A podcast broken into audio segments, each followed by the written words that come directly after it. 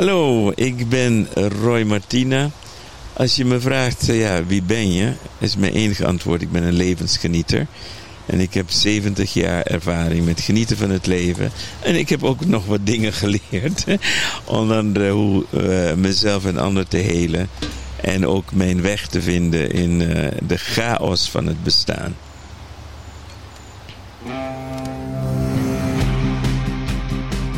Welkom bij de Tim Tom Podcast. Ik ben Timothy. En ik ben Tom. Samen zijn wij jouw GPS naar geluk en succes.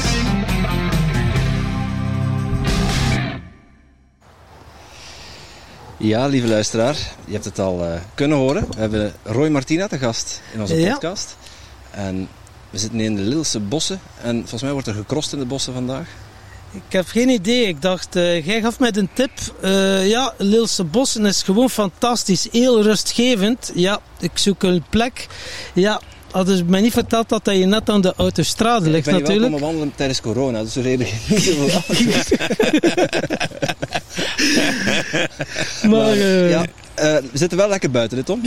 dat is een En feit. we zitten hier met een levensgeniet, dus dan konden we het niet maken om onszelf met deze. Levensgenieter en eh, ja, die twee eh, eerste letters, LE, een legende ook eh, trouwens. Want eh, als ik even mijn pad bekijk, als ik 16, 17 jaar was, wow, 30 jaar geleden bedenk ik mij nu net, eh, dan was al de eerste keer dat hij passeerde die naam. Roy Martina, dat was die echt wel eh, het icoon van spiritualiteit, eh, persoonlijke groei. Ja, nu kunnen er de straatstenen mee leggen met alle coaches, eh, persoonlijke groei, spiritualiteit. Maar Roy Martina, ja, dat is voor heel veel mensen een voorbeeld. En ja, die stond al een tijdje op mijn hitlist, of op onze hitlist. en we hadden een hypnosecongres.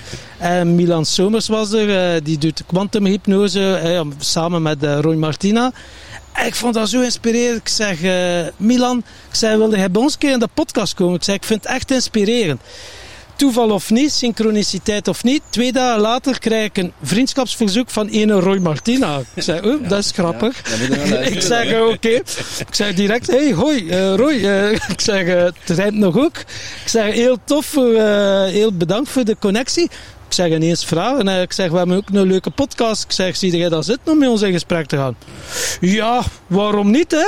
en, eh, Voilà. en nu zitten we hier. Dus, En eh, het blijkt dat het ook gewoon een onnozel manneken is. Dus een van de voorwaarden om ergens ja te zeggen is, het moet fun zijn. Dus ik denk dat dat hier wel in de chakos komt. Dag Roy. Hallo, hallo, en ik vind het nu wel gezellig. Ja, leuk. Leuk dat je te gast wil zijn. Ja, ja. ja, ik heb nog nooit zo'n bijzondere podcast gedaan, weet ik nu al. Dit wordt leuk. We zijn maar net begonnen. Ja, ja. Ja, ik moet zeggen, je, je enthousiasme en, en vreugde is wel heel aanstekelijk. Ja. Ja, het- ik geloof dat als je zo oud wordt als ik. Ik ben nu eh, Dat is 103, hè? ja, ongeveer. Biologisch 70, hart 20. Maar, Qua levenservaring. ja, ja. Ontelbaar. maar als je je voorstelt dat ik eh, op mijn 22e arts werd. En ik, mijn passie was gewoon het genezen van mensen. Dat wilde ik. En dan loop je aan tegen een aantal blokkades aan. Eerst de gewone geneeskunde. En je ontdekt dat dat gewoon helemaal niet bedoeld is om mensen te genezen. En vervolgens ga je op zoek. En dan kom je op een, eh, in een oerwoud terecht van wat ze noemen holistisch. En ik noem het allemaal kwakzalvers die rondlopen. Vaak niet eens weten wat ze doen. Maar het is allemaal natuurlijk. Weet je wel? Dus, en ik heb een natuurlijke neiging om dingen te onderzoeken. Dus toen ik mijn praktijk begon in 1980, begon mijn praktijk van natuurgeneeswijze. En eh, kwam ik er heel gauw achter dat heel veel mensen niet geholpen werden met de, met acupunctuur, homeopathie en voeding. En dus toen heb ik op een gegeven moment gezegd, als je na tien behandelingen niet beter bent, dan is de rest van de behandeling is gratis, tot ik weet waarom je niet beter wordt. Dus ik heb zoveel geleerd waar de anderen stoppen of waar de patiënt afhaakt. Want eh, ze hebben hun geld, want het was toen allemaal privé. Ze hebben geld betaald, betaald tien keer. En ja, ze hebben niks gezien, dan stoppen ze ermee. Maar bij mij hadden ze die garantie. En door die garantie kon ik echt gaan onderzoeken. Dus in feite, mijn tocht begon en ik kwam steeds dieper en dieper. En ik ontdekte bijvoorbeeld dat het helemaal niet gaat om waar heel veel van de natuurgeneeswijze over gaat. Het gaat eigenlijk over de reis van de ziel. En dat het lichaam een soort projectiescherm is voor ons hart en onze ziel en onze onbewuste. Dus dat ziekte niet is wat deze mensen denken, slechte voeding. Je kan duizend mensen op slechte voeding zetten, toch worden ze allemaal niet ziek. Waarom is een klein groepje die geweldig doet en ook nog lang leeft ook? Als je dan weet dat de langstlevende persoon in het Westen, die 122 jaar en 134 dagen is geworden, Jean Calment, die volgde geen van mijn regels. dus uh, vegetarisch, niet drinken, seks één keer in de week, sporten, mediteren. Deed ze allemaal niet. En zij leeft het langst. En ik ontdekte dat bij haar was het joie de vivre. Het was levensgenieten. Al mijn regels heb ik overboord gegooid. ik ben gaan genieten van het leven. En dan functioneer je veel beter. Als je negatieve gedachten loslaat, maakt wat je eet niet meer uit. Nu aan de andere kant, je kan vegetarisch zijn, veganistisch, macrobiotisch, noem het rijtje maar af. Uh, intermittent fasting, al die onzin. En je hebt nog steeds negatieve gedachten. Vegetariërs zitten nooit in de top 10 van het langstlevende. Mensen die mediteren ook niet. Alcoholvrije mensen die halen het ook niet. Ja, ik denk, gaan we genieten, toch? Wauw. Dus je gaan heel veel mensen zeggen, yes. Ja, ja, ja. Oké. Hoe gestructureerder je bent, hoe fanatieker je bent, hoe meer je erin gelooft, hoe minder het werkt. Dus mijn regel is, niet, ik zeg niet dat je niet goed, niet hmm. gezond moet eten. He, wat gebeurt niet vandaar. Het is niet dat je slecht moet eten hmm. om te genieten. Hmm. Ik hou van groenten, maar ik geniet van groenten. Ik hou niet van vlees. Snap je? Dus ik eet het niet, niet maar wegen niet omdat het slecht is.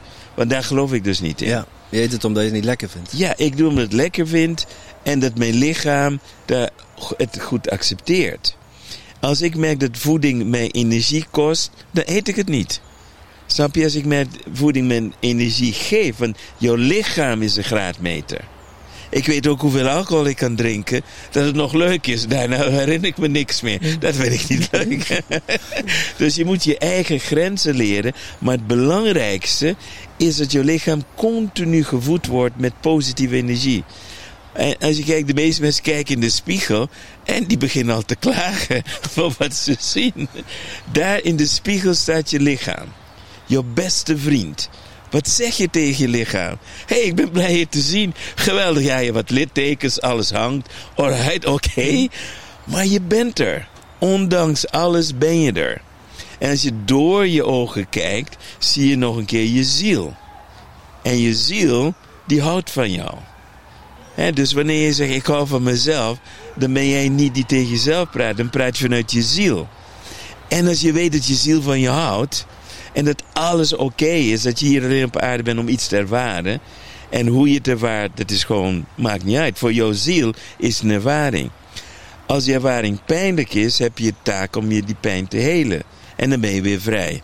En ik denk dat de meeste mensen te veel zwaarte met zich meetrekken. En die zwaarte noem ik seriositis. En de meeste mensen zijn te serieus. En het is seriositis dat je levensduur verkort. Niet wat je eet. He, dus eh, maar heel veel mensen eten slecht en hebben seriositis. Dan heb je problemen. een goede cocktail te pakken. Ja, ja. Heel veel mensen hebben eten gezond en hebben seriositis. Leef je ook niet lang. Dus het gezond eten is prima.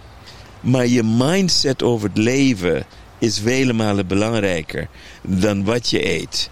Dat is eigenlijk uh, waarom ik gekozen heb om na het ontdekken dat ik zoveel patiënten hun leven miserabel heb gemaakt heb ik ontdekt, nee, het gaat om de mindset, het gaat om het genieten. En vandaar dat ik mezelf ook de levensgenieten noem. Dat in alles wat ik doe, wil ik plezier hebben. Wil ik mijn hart openstaan, wil ik enthousiasme ervaren. En op een gegeven moment heb ik ontdekt, ik heb uh, twee bijna doodservaringen gehad. Ik heb geleefd van het licht. Ik heb geleerd hoe ik kan communiceren met het veld.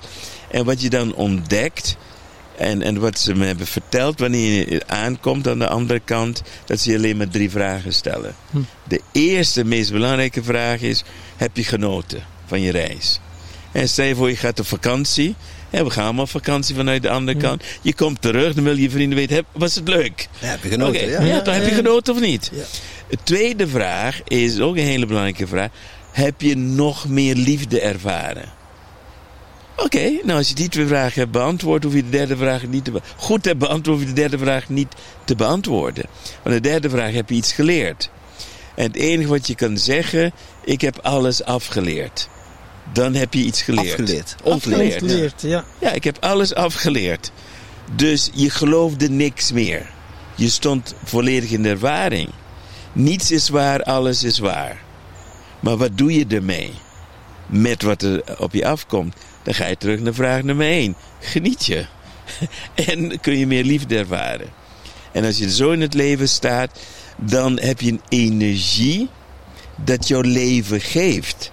De meeste mensen hebben een energie dat leven wegneemt. Als je geboren wordt, heb je 150 jaar minimaal. En we zijn door de manier we het leven, zijn we aan het afknagen. Hè, dus en daarom sterven heel veel mensen voor hun tachtigste. En sommige mensen beginnen al te sterven op hun zestigste. Ze zijn ze zijn niet dood, maar ze zijn begonnen met te sterven. Ze zijn begonnen met af te takelen. Sommige mensen doen over het sterven 20, 30, 40 jaar lang. Ja, daar heb je geen zin Ja, in. sommigen zijn heel leven aan het afzien en aan het sterven. Ja, absoluut. En Roy, dus als ik het goed begrijp, ga je dan voor het record? Die Hm? onder 22 jaar en... eh, Nee, op een gegeven moment heb je zoveel genoten. Kijk, dus de- het moet ook zin hebben. Ik moet een gevoel hebben dat ik iets geef. Ontvangen, eh, eh, hoef je, hoef je niet, niet te ontvangen. Want als je leeft zoals ik, je staat in het leven, je hoge frequentie, ontvang je heel veel. Dat is, dat is niet moeilijk. Ontvangen is makkelijk. Maar het geven van jouw energie op de juiste manier. De meeste mensen geven niet op de juiste manier. De meeste beginnen de meeste mensen te geven met verwachtingen. Ja. Mm. Ja, ik terug te krijgen. iets terug te krijgen. Ja. forget it. Daar gaat het helemaal niet om. Het is het plezier van het geven. Als ik een workshop geef, if I'm not having fun, ja, dan, dan is die workshop niet goed. Als iemand vraagt, hoe was de workshop? Ik zeg altijd, I had fun. De rest moet je aan een ander vragen. Maar één ding weet ik zeker, I'm gonna have fun. En als je dat hebt, dan straal je dat uit. Dus dat is wat je geeft. Je geeft dus dat, die hoge frequenties geef je.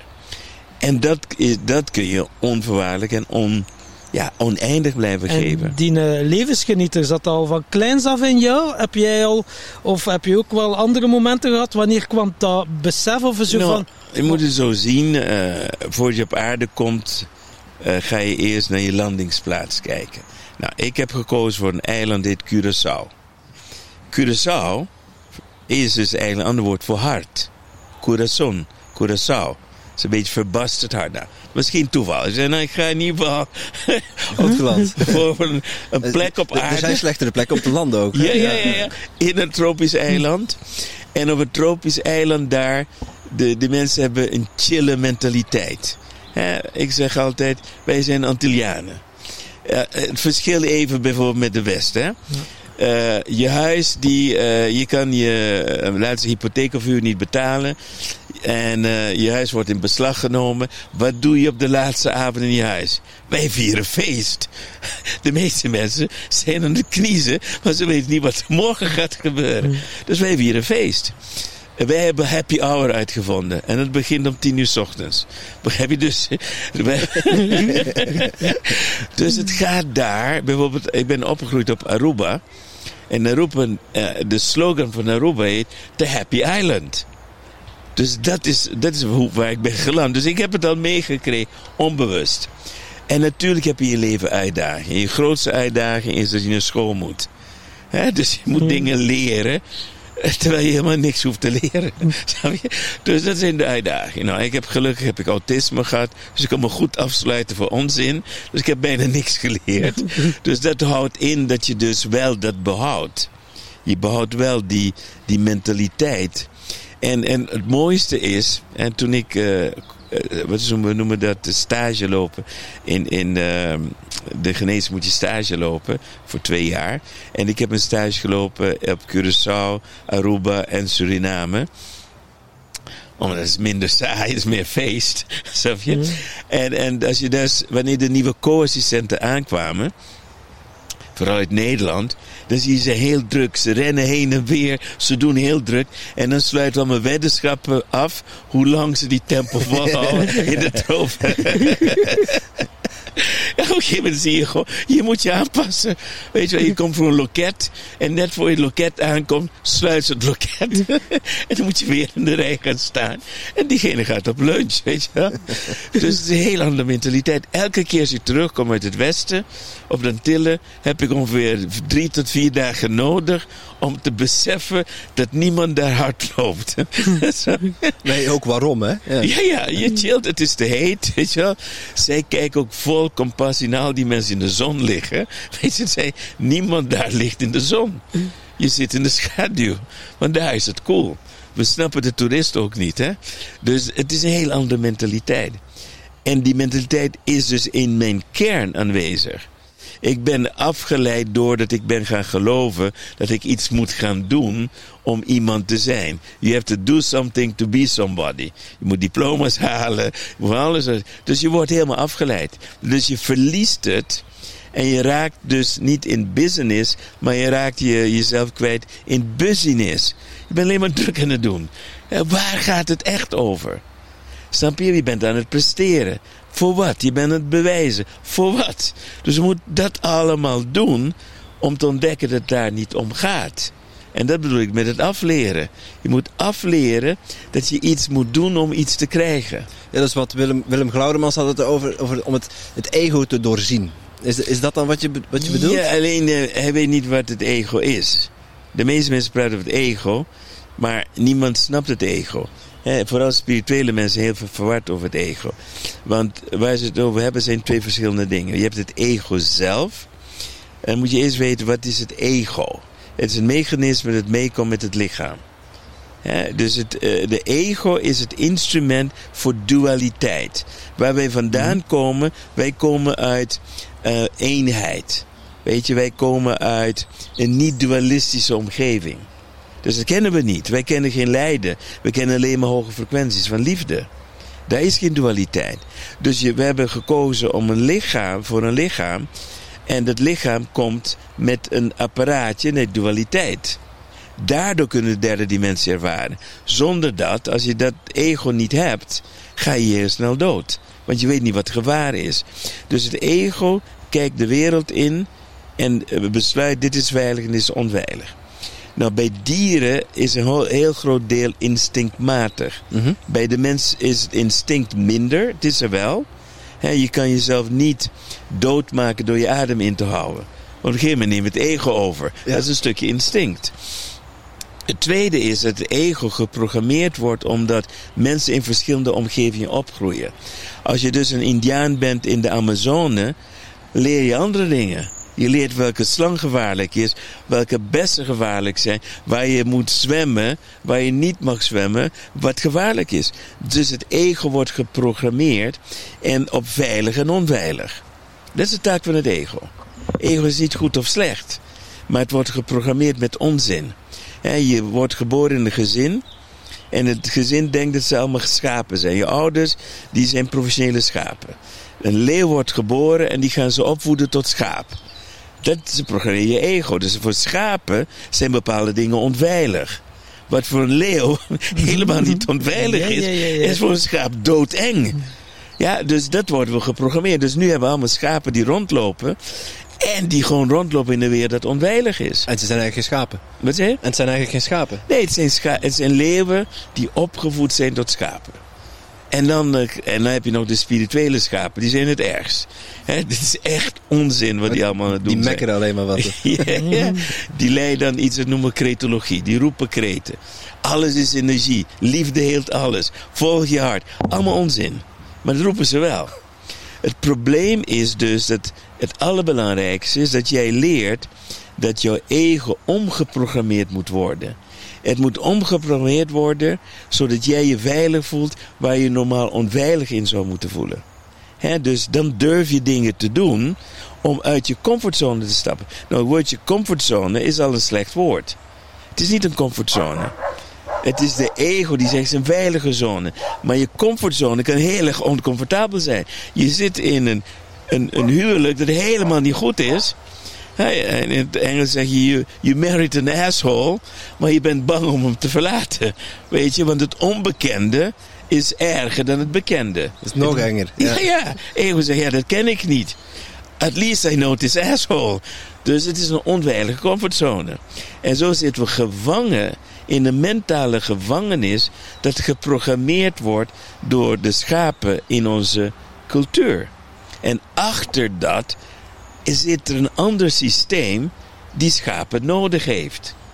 Die hebben een onderwijs gecreëerd zodat wij tot schapen opgevoed worden. Die hebben een geneeskunde gecreëerd dat alleen voor schapen is. Waardoor je onmondig wordt gemaakt. Je krijgt een pilletje. Weet je wel, je moet de dokter geloven. Het is allemaal placebo-effect. En als je geneest, dan heeft de dokter gelijk. Allemaal onzin. Dus op het moment je door die illusies gaat heen prikken. Als je op het moment, als ik heb als arts gezien. Dat de grootste wonderen in geneeskunde is dat mensen nog uit een ziekenhuis komen. Moet je je voorstellen, je zet mensen in de slechtste omgeving die er is. Je geeft ze de slechtste voeding die er is. Je hebt daar, iedereen kijkt je nog eens aan, behandelt je zijn nummer. Weet je, je krijgt nog chemicaliën toegevoegd aan al een lijf dat ziek is. Het enige, de reden waarom hij het ziekenhuis komt, omdat hij gelooft dat die artsen iets doen. De grootste kwakzalver zit in het ziekenhuis. Dus, maar doordat je gelooft in de kwakzalverij, kom je uit het ziekenhuis. Het enige wat ik geloof in de geneeskunde zijn twee dingen. Dat er levensreddende situaties zijn waar je een arts nodig hebt. Zoals je bent aan doodbloeden. Ja, precies. En je moet heel dringend dichtgenaaid worden door iemand die dat precies. kan. Ja. Of je hebt een dubbele longontsteek, je hebt sepsis in je bloed. En je hebt gewoon antibiotica nodig. Oh, dus acute die ingreep, ja. acute dingen, prima. Ja, auto-ongeluk, ga je naar het ziekenhuis toe. Voor diagnostische testen, prima. Je kan zien wat er aan de hand is. En daarna moet je gillend weglopen. Op het moment dat je gifstof... Als je dat kan, hè. Ja. Ja, ja, uiteraard. Als je nog kan gillen en nog kan lopen. Ja, ze gaan je chemicaliën geven die je ziek maken. 100% bewezen. Het placebo-effect is beter dan die chemicaliën. Oké? Maar ze hebben placebo-effect hebben ze dus non grata verklaard. Hè, daar moet je niet aan beginnen. Je moet alleen naar ons luisteren. Wij zijn artsen. Wij weten het voor jou. Zij doen precies wat de kerk dus ook doet. De kerk zegt: Wij weten voor jou hoe jij het moet doen. We are the middleman to God. Weet je? Hetzelfde gebeurt dus You daar. need us. Ja, you need us, right? Hetzelfde gebeurt in geneeskunde. En doordat je het gelooft. Mijn vader geloofde het allemaal. Hè? Dus ze geven een pil. Nou, die pil maakt hem beter. Want uiteindelijk, die een witte jas doet het dan. Want dan geloof je het gewoon. Dan mocht jij nog niks gestudeerd hebben, maar doe jij die een witte jas Ja, aan. En je zegt, kijk, als je dat pilletje neemt, dan wordt het beter. Het ergste wat ze tegen je zeggen is de diagnose. Een bullshit. Je komt, ik zeg altijd, je komt binnen met duizeligheid. Je gaat naar huis met vertigo, ECI. Wat is ECI? E causa ignota. We weten de oorzaak niet. Maar we weten nu, we hebben een diagnose. Ik heb vertigo. Ja. Wat schiet je daarmee op? Je hebt een bacterie, dat heet Streptococcus aureus. Die bacterie zit daar. Jij denkt die Streptococcus hebt. Je immuunsysteem functioneert niet. Snap je? Ze, ze, ze gooien zand in je ogen en het lijkt alsof ze wat weten. Maar ze weten de oorzaak dus niet. Nee, want dat, daar gaat het dan om, hè. Dat ze, dat ze vaak de oorzaak verkeerd interpreteren of juist Nee, wat, wat wij een diagnose noemen is niet de oorzaak. Hoe noem je dat dan? Is het dan... Het is een label die ze opplakken. Ja, oké. Zij onderzoeken de vorm die van kanker die je hebt. Ze zeggen je hebt eh, hormoongevoelige kanker of dit of dit of dat of dat. En de patiënt gelooft dat ze weten waarom die kanker is ontstaan. Dat weten ze dus niet. Iemand die rookt. Ja, je rookt, daarom krijg je kanker. Onzin is niet waar. Roken heeft niets te maken met kanker. Waarom krijgen mensen die niet roken ook kanker? Verklaar me dat. Dat kan je niet verklaren, right? Ik ben geen Nee. arts. Nee, precies. Maar hier is, het, hier is het probleem. Je hebt dus drie niveaus. Energetisch, biochemisch, cellulair. De arts kan alleen maar kijken biochemisch, in het bloed. Wat, wat zien we daar? En cellulair, naar de cellen.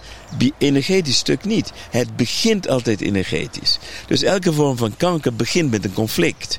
Ja, als je dan rookt en je hebt een bepaald soort conflict, dan ben je gevoelig voor de teren, nicotine en andere chemicaliën in, in, in het roken. Heb je het conflict niet, ben je er niet voor gevoelig. Dus het versterkt. Precies. Ja. Waarom krijgt een vrouw linkerborstkanker en niet rechterborstkanker? Voor een arts, it's kanker. Voor mij, linkerborst gaat over iets heel anders.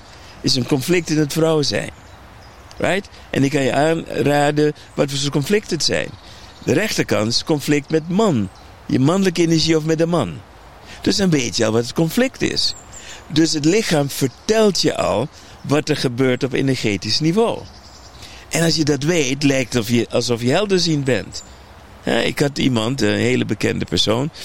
Jullie hebben hem ook geïnterviewd, maar ik ga niet vertellen wie het is. Hm. Hij heeft last van zijn linkerknie.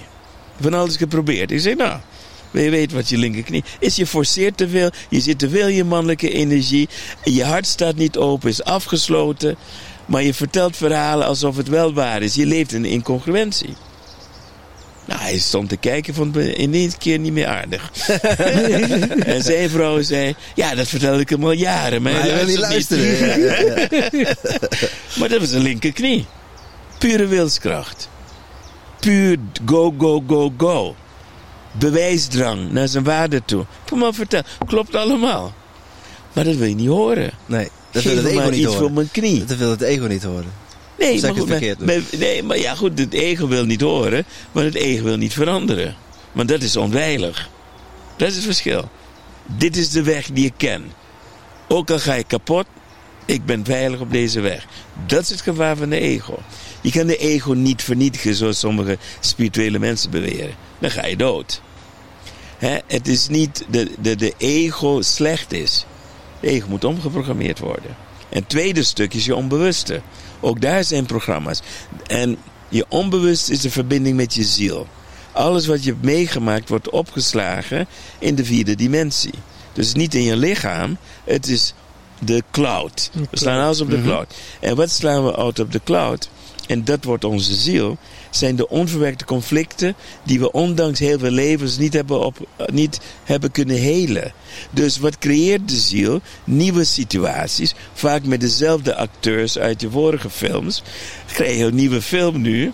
Vorige keer heb je vader gespeeld van mij, nu speel je de partner van mij of een kind van mij. Dus we hercreëren situaties zodat we opnieuw de kans krijgen om dat wat we niet kunnen oplossen, om dat weer te kunnen gaan oplossen. Om de lessen te leren die je voorheen niet geleerd hebt. Ja, en om de les af te leren. Of te ontleren. Zoals je eindelijk doorhebt dat je niks te leren hebt, dat je alleen maar liefde hoeft te zijn. Er valt niks te leren. Dat zijn de, de ik noem dat de spirituele kleuterklas. Die komen om hier wat te leren. Die denken, elke uitdaging denkt, oh ik ben wat aan het leren. Nee, je bent wat aan het afleren. Je komt steeds jezelf tegen, dat wat je nog niet weet, van jezelf. Dus je wordt getriggerd door iets. Je wordt uitgedaagd omdat je niet in verbinding staat met jezelf. Als je in verbinding staat met jezelf, kijk je ernaar. Zeg, leuk spelletje. Ik maak de keuze, doe ik mee met het spelletje of niet? Ik heb een keuze. Snap je? Ja? Dat is het verschil. En je leert die zogenaamde les door te af te leren wat je denkt te hebben geleerd. Hoe het moet. Snap je? Wij geloven dat mensen aardig tegen ons moeten zijn. Dus nergens staat het in het contract geschreven. In de dualiteit moet je ervaren dat wat je niet bent. Wij zijn liefde. Dus nu ervaar ik dat iemand mij niet aardig vindt. En ik, ben, ik zit in tranen, ze hebben me afgewezen. Je houdt niet van me. Wat een onzin. Je houdt niet van jezelf. Begin daar eens mee. Begin die menselijke vorm die je hebt gekozen te omarmen. En naar je, naar je menselijk deel te kijken. Hoe verkrampt het is geworden door al die geloofsovertuigingen die we hebben geprogrammeerd gekregen. Hoe het moet. Hè, wij geloven dat onze ouders ons iets hebben aangedaan. Mensen zijn misbruikt geworden. Hele drama's, trauma's, noem maar op. Allemaal je eigen keuze in je eigen film. En waarom kies je voor een trauma? Er zijn een aantal redenen waarom je kiest voor een trauma. Nummer één, belangrijkste reden, je hebt dit iemand anders al reeds aangedaan. Je hebt gekozen om het zelf te ervaren. Misschien een vorig leven, of je het prettig vindt of niet, heb jij kinderen misbruikt. Nu ben je als kind misbruikt. Denk je in het volgende leven je dat gaat doen? Nee, check, done that. Beide kanten ervaren. Oké, je bent er klaar mee. Maar nu zit je met een drama. Nu kun je ervaren wat de anderen hebben ervaren. Tot je klaar mee bent. Op het moment dat je klaar mee bent, moet je één ding weten: dat je zelf moet vergeven eerst dat het mogelijk is dat iemand anders het heeft aangedaan. En tweede is, ja, je mag die ander vergeven of je mag die ander bedanken. Dank je wel dat je me dit hebt laten ervaren, zodat ik bij mezelf kan komen. Vergeven hoef je alleen te doen aan jezelf. Die ander doet zijn rol. Mijn vader heeft zijn rol gespeeld. Ik moet tegen hem zeggen, dank je wel. Dank je wel dat je nooit tegen me hebt gezegd dat je van me hebt gehouden. Prima, dat was de rol, snap je? Ik hoef hem niet te vergeven. Dat is onzin. We hebben een afspraak. Op het moment dat je dat snapt, verandert het leven. Waar of niet? Ja, Alles verandert. Alles voel ik wel, ja. Ja. Ja. Dus het gaat erom dat wij gaan herkennen. Ja, Wat de alles- spelregels zijn, ja. Ja, dat alles wat ons overkomt, voor ons komt. Het is voor ons. Als we pijn ervaren, moeten we iets in onszelf helen. En dan is het dan. Dan hoef je dat niet meer te ervaren. De ander kan lekker doorgaan in een acteerrol, omdat zij geloven dat dat het is wie ze zijn. Tot zij zelf ontdekken dat ze een rol kunnen veranderen in een film. En dan krijg je een helder verhaal. Alle goede films van Hollywood zijn gebaseerd op de hero's journey. Weet je, vallen, opstaan. Je komt iemand tegen en dan ga je nog een paar keer vallen en opstaan tot je door hebt. Dat is de story. Op het moment dat je die helden verhaal door hebt, dan is oké. Wil ik nog meedoen aan dit verhaal? Moet ik nog een keer mijn hoofd stoten? Of kan ik gelijk naar liefde gaan? En Dit kijk jij dan er zo van, ja, je komt ook wel blokkades tegen in je leven of tegenslagen. Mhm. Dan kijk jij dat als een, een grap van, wow, leuk Ja, in de ja. film. Eh, Precies. ja. Een blokkade is een uitnodiging tot groei. Een uitdaging is een uitnodiging tot groei. Dus als je dat, die uitnodiging aanneemt, dan heb je het spel ontdekt. Snap je? De blokkades is, die zijn niet eens van mij. Dat zijn programma's die je hebt meegekregen. Nou, van wie is het programma of niet? Laat het los. Wat wil jij geloven? Je geloofsovertuiging is net als wc-papier. Je kan het gebruiken en weggooien. Je kan alles geloven wat je wil. Je kan geloven dat je krachtig bent, het is waar. Je kan geloven dat je machteloos bent, is het waar. Wat wil je geloven? Je kan geloven dat je niet geboren bent om rijk te zijn. Prima, ervaar dat. Jouw keuze. Op het moment je overtuiging loslaat en jij bepaalt wat wil ik geloven. Ik, ik vraag mezelf, wat wil ik nog ervaren? Nou, dan denk ik, oké, ik wil nu ervaren. Laten we zeggen dat ik wil ervaren hoe het is om miljardair te zijn. Heel veel mensen gaan helemaal op tilt. Gaat alleen maar geld. Dat kan toch niet? Ja, dat ben je niet spiritueel. Ik zeg, er zijn te weinig spirituele miljardairs. Laat me een paar zien. Geef me honderd spirituele miljardairs, we kunnen de wereld veranderen. Waarom zijn ze er niet? Waar zijn al die machtige spirituele gasten, al die goeroes? Waar zijn ze dan? Waarom, waarom zijn ze er niet? Ja, ah, ik wil de eerste zijn. Ik vind het een leuk spel. Laat dat spel gaan spelen. Lekker zitten in een privévliegtuig. Nou, heb je nog niet ervaren. Dat is toch leuk? Dat heel veel mensen zeggen, je carbon footprint, bla bla bla. Nou, dan maak ik een elektrische eh privévliegtuig. Dan doen we ook voor die spirituele ja. mensen doen we wat. De wereld gaat niet kapot door de carbon footprint. De wereld gaat kapot door het denken van de mensen. En de seriositis. Dus je ziet, daar gaat de wereld kapot aan. De wereld gaat kapot aan onze ego. Niet omdat het niet voldoende is. Maar ego veroorzaakt hebzucht. Omdat ego vaak geprogrammeerd is vanuit schaarste. Dus als je vanuit schaarste rijk wordt, zul je altijd arm blijven. Je zult nooit genoeg hebben. Want het ego leeft nog steeds in schaars. Want die is omgeprogrammeerd. Dat zie je hele veel rijke mensen. Het is niet genoeg. En dat creëert in de wereld wat, wat ik noem een cannibalistische kapitalisme. We leven niet meer in contact met de natuur. Het is niet dat we rijk zijn het probleem is. Het feit dat we kannibalen zijn is het probleem. Dat is het verschil. Als je rijk bent en je snapt het leven, dan wil je er iets goeds mee doen. Hoeveel huizen wil je hebben? En ik word even... Het nu komt, wordt het echt emotioneel. Hoeveel huizen wil je hebben? Hoeveel auto's wil je hebben? Dat is allemaal ego. Dat is niet belangrijk. Die mensen hebben het spel niet door. Dus die zijn nog steeds aan het bewijzen aan zichzelf van kijk hoe geweldig en goed Zie ik mij ben. graag. En, eh, kijk De spirituele mensen zijn het bewijs vanuit een ego. Kijk maar hoe arm ik kan zijn. Hetzelfde spel. Hetzelfde ego. Alleen het verschil is, de spirituele mensen veroordelen de andere mensen die hetzelfde probleem hebben. Ja, ja, ja. Schapen veroordelen schapen. Snap je? En zegt, die heeft een groot ego. Je kan niet een groter ego hebben dan een ander. Je kan je ego inzetten voor wat je wil. Als je bewijsdrang hebt en je gelooft, echt, als ik heel hard mijn best doe, ga ik succesvol worden, word je succesvol. Als je gelooft, ja, het is niet voor mij om succesvol te worden, word je nooit succesvol. En dan ga je klagen over die ander, zeg die hebben een groot ego. Ander programma, ander resultaat. Maar ze zijn niet beter dan jij of ik. Wij leven ook nog steeds met ons ego. En wat hebben we ontdekt? Ons ego vindt het prettig om leuke dingen te doen. Wij gaan genieten van het leven. Dus je gaat op een andere manier het leven staan. En dat is waar het echt om gaat. Dat jij ontdekt dat het grootste genoegen voortkomt uit dat je andere mensen kunt inspireren. Waardoor zij weer andere mensen gaan inspireren. Het woordje inspiratie staat voor je licht nog sterker aan te zetten.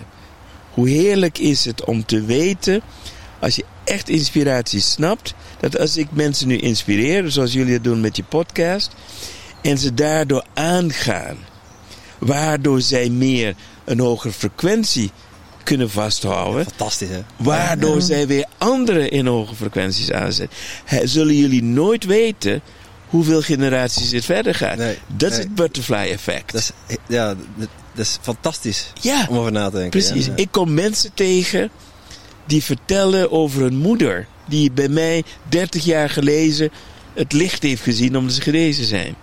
En die staan aan door hun moeder. Hun moeder zei, je moet alle boeken lezen van Dr. Martina. Daardoor gaan ze aan staan. Daardoor zijn ze geïnspireerd. Die zitten nu bij mij in de workshops. En andere mensen denken, die vrouw die is gek. Ja, ik heb, eh, ja, dat is meer normaal. Dat, is, dat zijn de schapen. Dan heb je, ik had gisteren, kwam een jongetje naar me toe, 12 jaar, Luca. Zijn moeder is aangegaan. Die jongen staat aan. Die staat 100% aan. Dat zullen we nooit weten. Dat is het butterfly effect. Dat doorgaat generaties lang. Dat is inspiratie. En daardoor kunnen we iets veranderen. En het gaat niet om degene die je inspireert, het gaat om wie diegene weer gaat inspireren. Ja. En wij hebben allemaal het cascade-effect, butterfly ja, de effect. sneeuwbal. Effect. Ja, dat is het effect dat we. Waar, wat, dan ben je echt in spirit.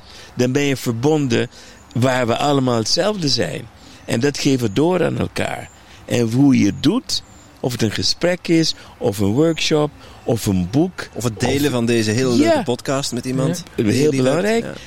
Dus dat is inspireren. Dat je wakker wordt. Dat jouw taak is om anderen te inspireren. Dus als je luistert en dit inspireert jou, dan is jouw spirituele verantwoordelijkheid om dit te gebruiken om anderen weer te inspireren. En zo geef het licht door. En dat is waar het echt om gaat. En heel veel spirituele mensen zijn te veel bezig in dualiteit. Dit is goed, dit is niet goed. Dit is de weg, dat is niet de weg. Allemaal onzin. Elke weg is goed.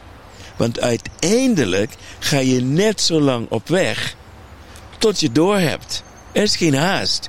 Je bent een eeuwig wezen. Het is geen haast, maar het kan niet snel genoeg gaan, toch? Ja, dat is, dat is het menselijk deel. Hè? Maar je bent, leeft in de eeuwigheid. De, me- de gemiddelde mens is 300 tot 400 keer geïncarneerd. Kun je je voorstellen? Dat betekent, het zijn allemaal oude zielen. Hè? Oh, En ah, oude zielen- Dankjewel. Oh. Dus als iemand tegen je zegt, je bent een oude ziel, dat is geen compliment. Je bent een sukkel.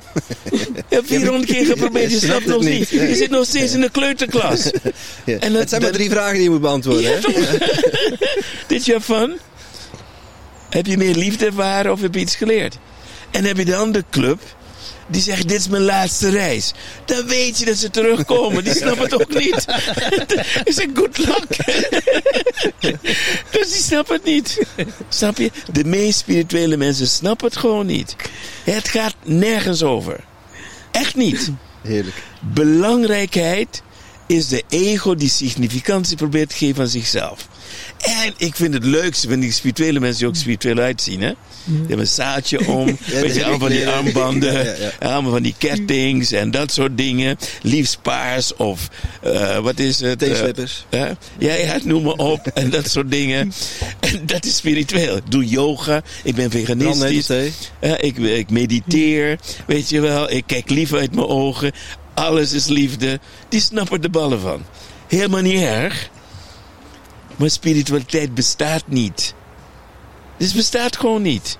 Er is niet om spiritueel voor te zijn. Het enige is te weten wat je bent. Of je een timmerman bent die liefde uitstraalt, of een kind die liefde uitstraalt. Liefde is het zijn van wat je bent. En niet het doen van liefde en aardig te zijn. Liefde kan hard zijn. Ik kan heel hard zijn tegen mensen. Maar uit liefde. Met de intentie dat ze het moet een keer goed horen.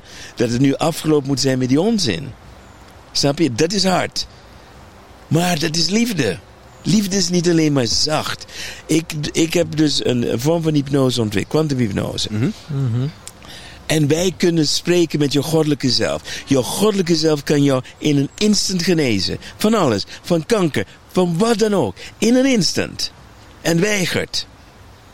Ik "Wa- waarom doe je het niet? Ja, ze luisteren niet. Ik heb al honderd keer verteld wat ze moeten doen. Laat ze maar lekker leiden. Dat is je hoogste liefde, hè? Onvoorwaardelijke liefde. Als je niet luistert, je hebt de ziekte gecreëerd. Ik heb je verteld waarom. Je wilt niet veranderen. Nou, je mag lijden. Je kiest Dat is goddelijkheid, right? Ik, kun, je- kun je ons eens kort uitleggen wat, eh, wat jouw kwantumhypnose is? En Hm. ja, hoe we daar... Want we hebben, we hebben Milan Somers gesproken Hm. eh, tijdens het hypnosecongres. Dus ik weet Hm. al iets, iets meer over Ja, kwantum. Maar het is nog een heel vaag begrip. Bij mij houdt het op met kwantumfysica. En degene wat ik geleerd heb op school. Ja. Wat Einstein wist en wat niemand mag weten. Ja, nou, het begint in feite met Nikola Tesla, die zei: van als je zeg maar, het universum wil kennen, moet je alles weten over energie, frequenties en vibraties. Dat is quantum. Quantum gaat om energie. Alles is energie. Mensen praten derde, vierde en vijfde dimensie. Onzin bestaat niet. Het is alleen energie, het zijn gewoon trillingen en vibraties. Gaat geleidelijk in elkaar over. Dus heel veel mensen die eh, zijn alleen maar bezig met 5D. 4D is duizend keer krachtiger. Zwaardere energie. Een shaman die heeft beschikking over 4D-energie. Dus het heeft, alleen maar te maken met het vibratiegetal. Als je vibratiegetal genoeg, eh, laat zeggen, vertraagt, wordt het materie. Dus materie is vertraagde energie. Als je een edelsteen neemt, heeft een hele hoge frequentie, maar een lage vibratie. Daarom is het een steen. Maar frequenties zijn hoog. En alles heeft een frequentie en een vibratie. Dus dat is eerst wat we moeten weten. Het lichaam bestaat uit vibraties en frequenties. Wat is het verschil tussen fre- frequentie en een vibratie? Nou, frequentie is zeg maar het. eh, als- je bijvoorbeeld naar muziek luistert, right? en je hoort een drum. Dan voel je die trilling. Weet je, dat, is, dat heeft een lage vibratie. Dat, dat gaat door alles heen. Vibreert. Ja. Een hoge frequentie is helemaal. een- Sommige frequenties kun je niet eens horen, die zijn zo hoog. Right? Dus hoe, hoe dichter, hoe meer voelbaar het is in, in die zware bas, dat is de vibratie. Oké. En in die vibratie is weer een andere frequentie. En die frequentie is de ritme. Dus de ritme van die bas is ah. de frequentie. Oké. Begrijp je? Ja. Dus je kan heel langzaam gaan. Dus een heel langzame vibratie. Of een langzame frequentie. Frequentie. Met een lage vibratie. Ja, Of ja. kan sneller gaan. Ja, ja, ja, ja. Het ritme. Ja, eigenlijk. en dat is Ja, dus de ja. frequentie. Snap je? Dat is eigenlijk Ja, het verschil. Mooi. En die vibratie bepaalt de dichtheid. Dus de derde dimensie heeft een, een dichtere dichtheid. Snap je? En dan heb je de vierde dimensie. Kun je niet meer waarnemen vanuit de derde dimensie. Maar de vierde dimensie kan je wel waarnemen.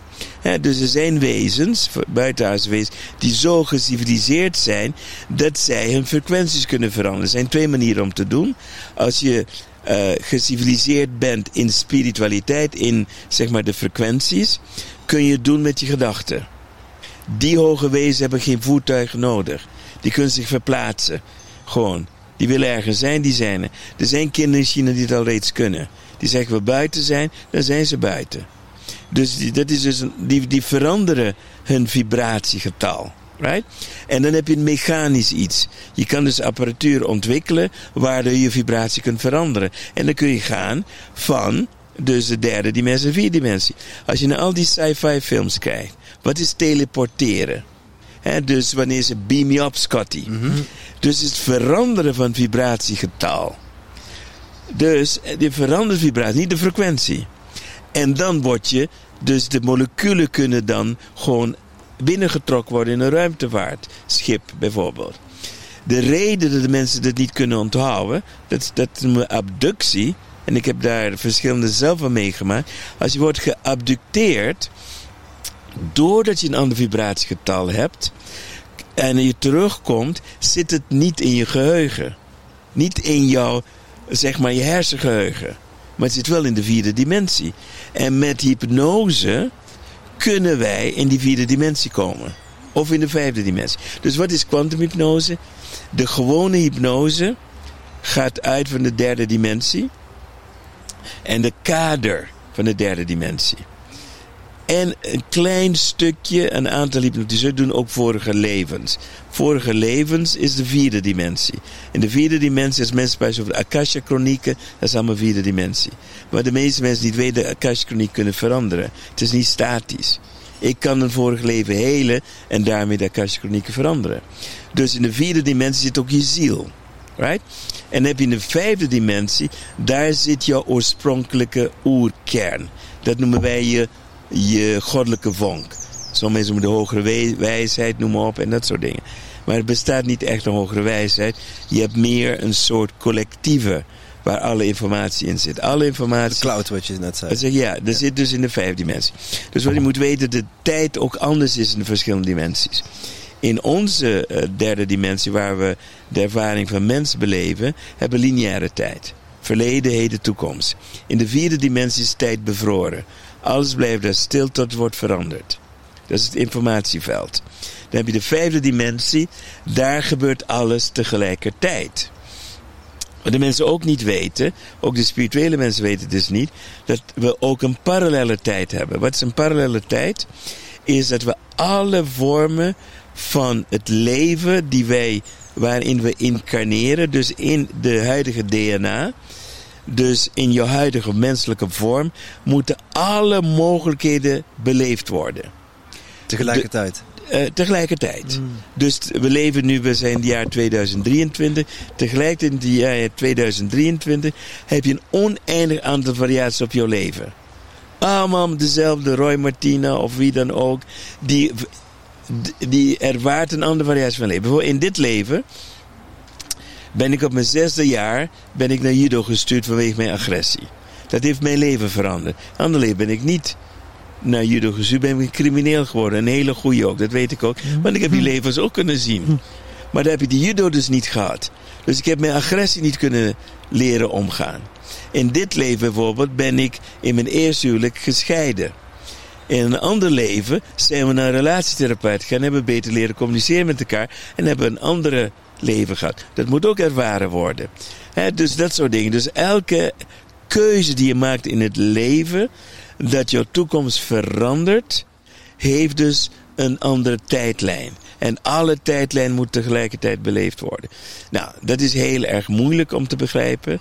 Dat is mind-boggling, om zo te zeggen. Redelijk. Dus voor mij was het, uh, dus in al mijn hypnoses. Kijk, op het moment dat ik me hypnotiseer met quantum hebben we toegang tot het hele kwantumveld.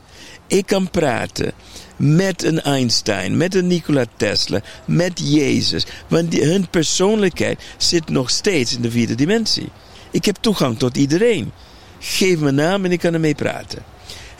ik, ik heb liever, de, mijn vrouw, die is door hypnose, is zij een channeler geworden. Dus als ik iets wil weten, Zeg Joy, zeg Joy, oké, heb je even tijd? Ik moet even praten met die en die. Oké, okay, ga eens even zitten, adem diep in en uit en dan praat ik met wie ik wil.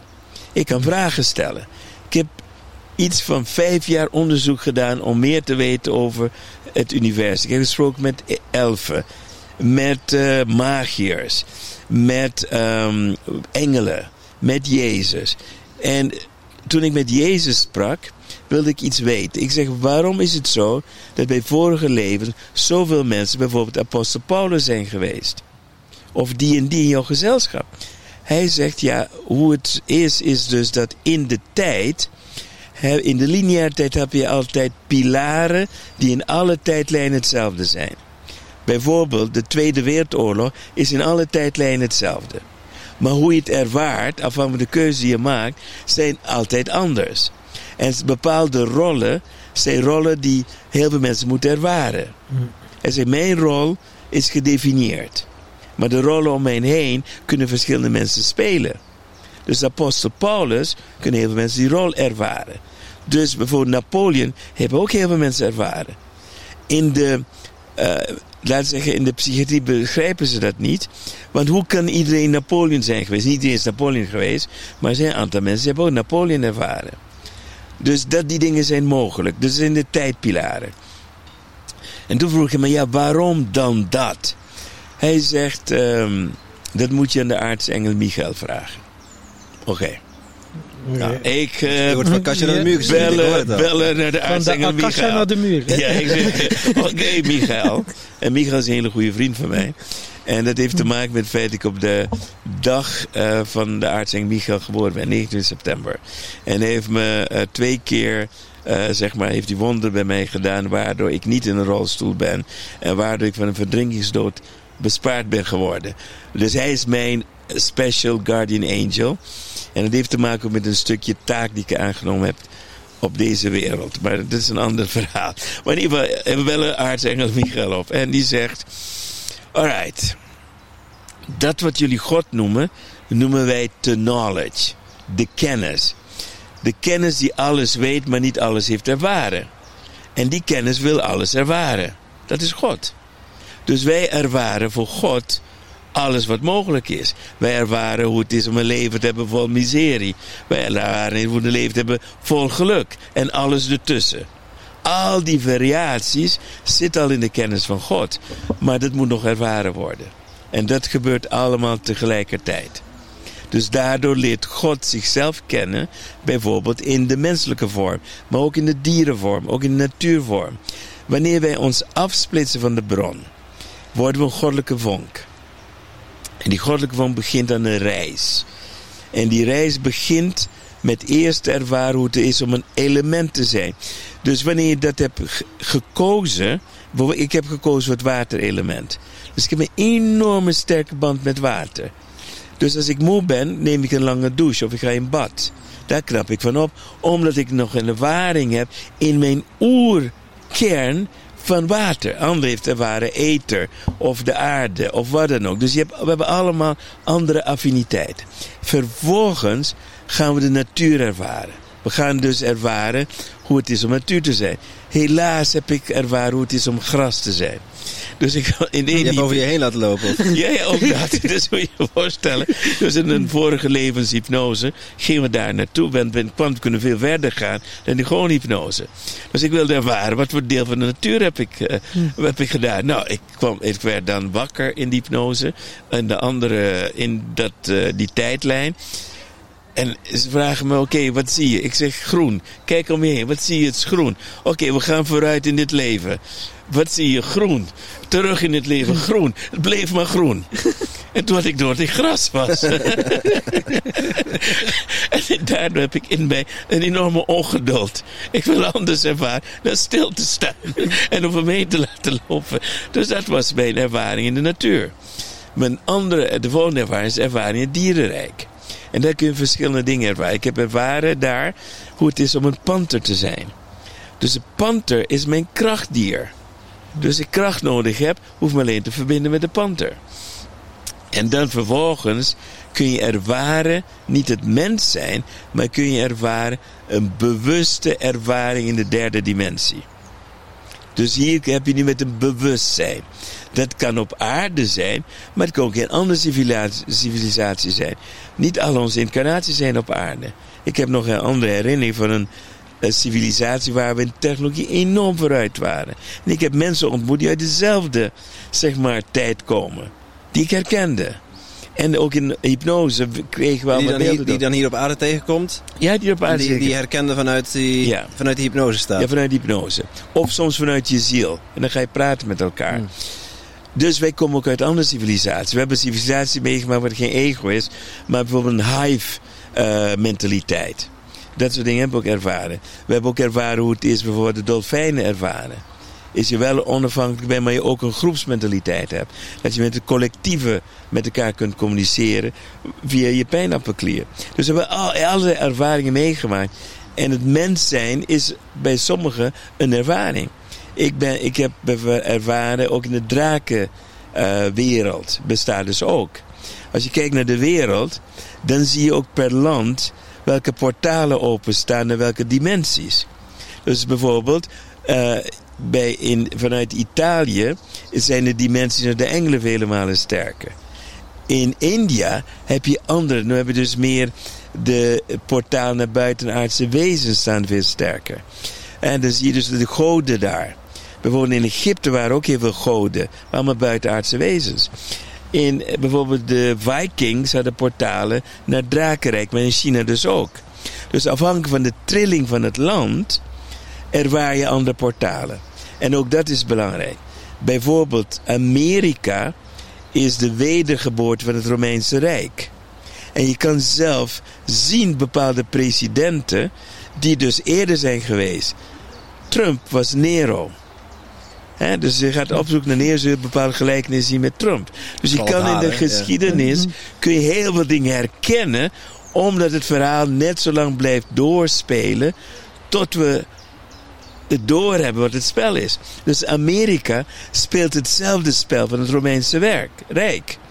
Hoe is het Romeinse Rijk ten gronde gegaan? Door inflatie. Het verwateren van geld. Kijk wat nu in Amerika gebeurt. Dus a story repeats itself over en over. En hoe zit het met de trilling van Nederland en België? Tot waar rijk... Nou, Nederland, uh, geen goede trilling, die zit onder het water. Okay. Het gaat ook terug in het water. Dus Nederland gaat ook ervaren wat Atlantis heeft ervaren.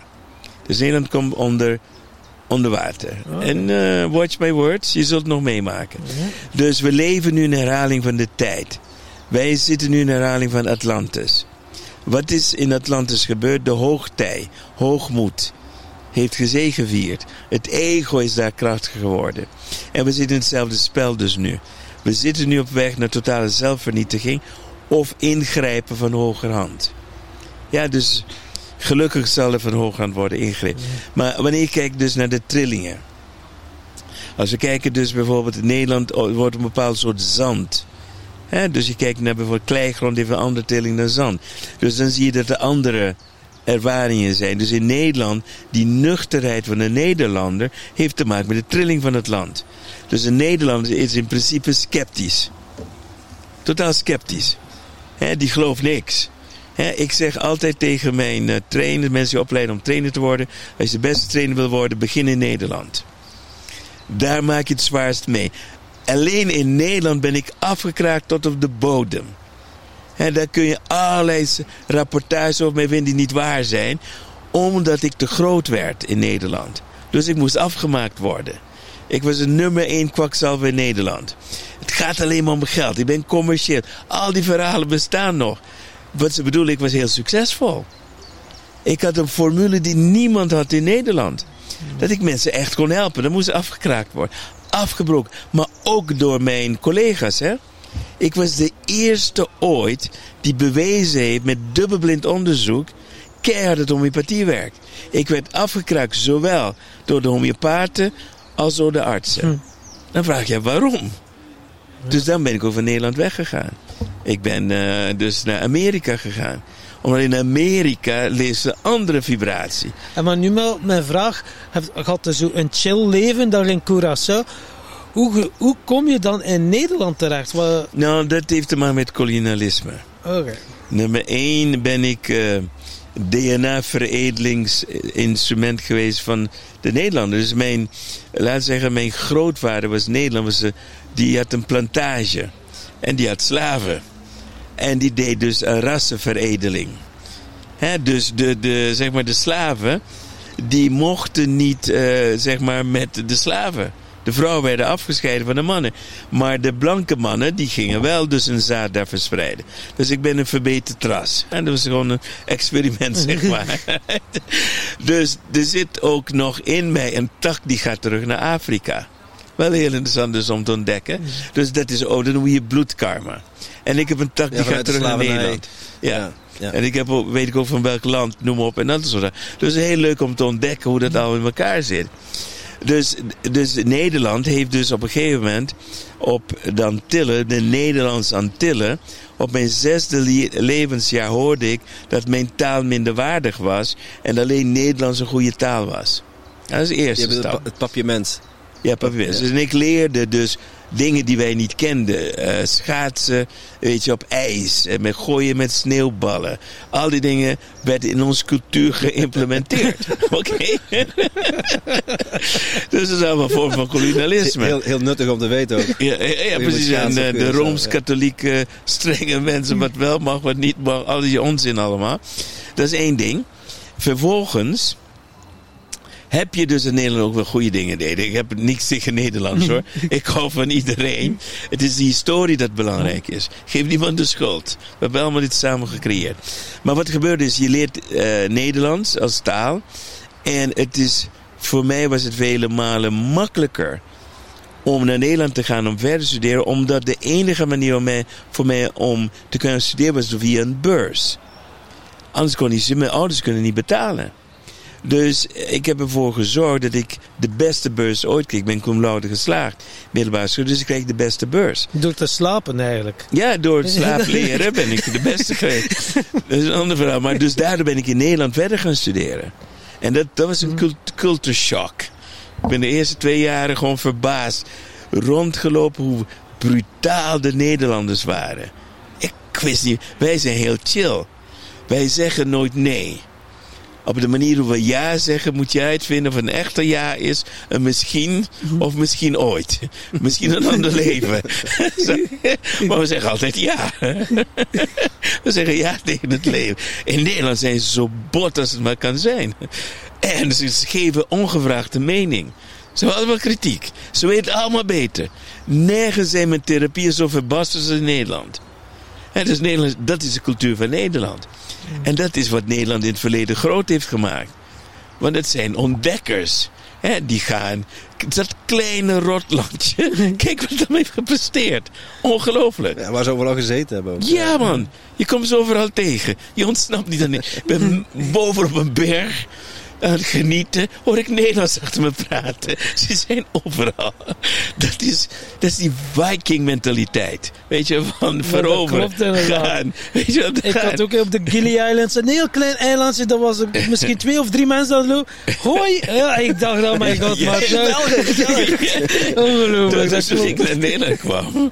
En dan toen, en op een gegeven moment kwam ik in België. Dat zijn gewoon eh, Nederlandse Antillianen. Die zijn chill. Weet je wel, die maken zich niet zo druk. Dus ik voelde me meer bij Belgen thuis dan bij Nederlands. Maar ik heb wel veel van ze geleerd. Hè? Ik heb gigantisch veel geleerd daarvan. Dus ik besnap wel mijn reis. Dat had ik nodig om te leren. Neem je plaats in.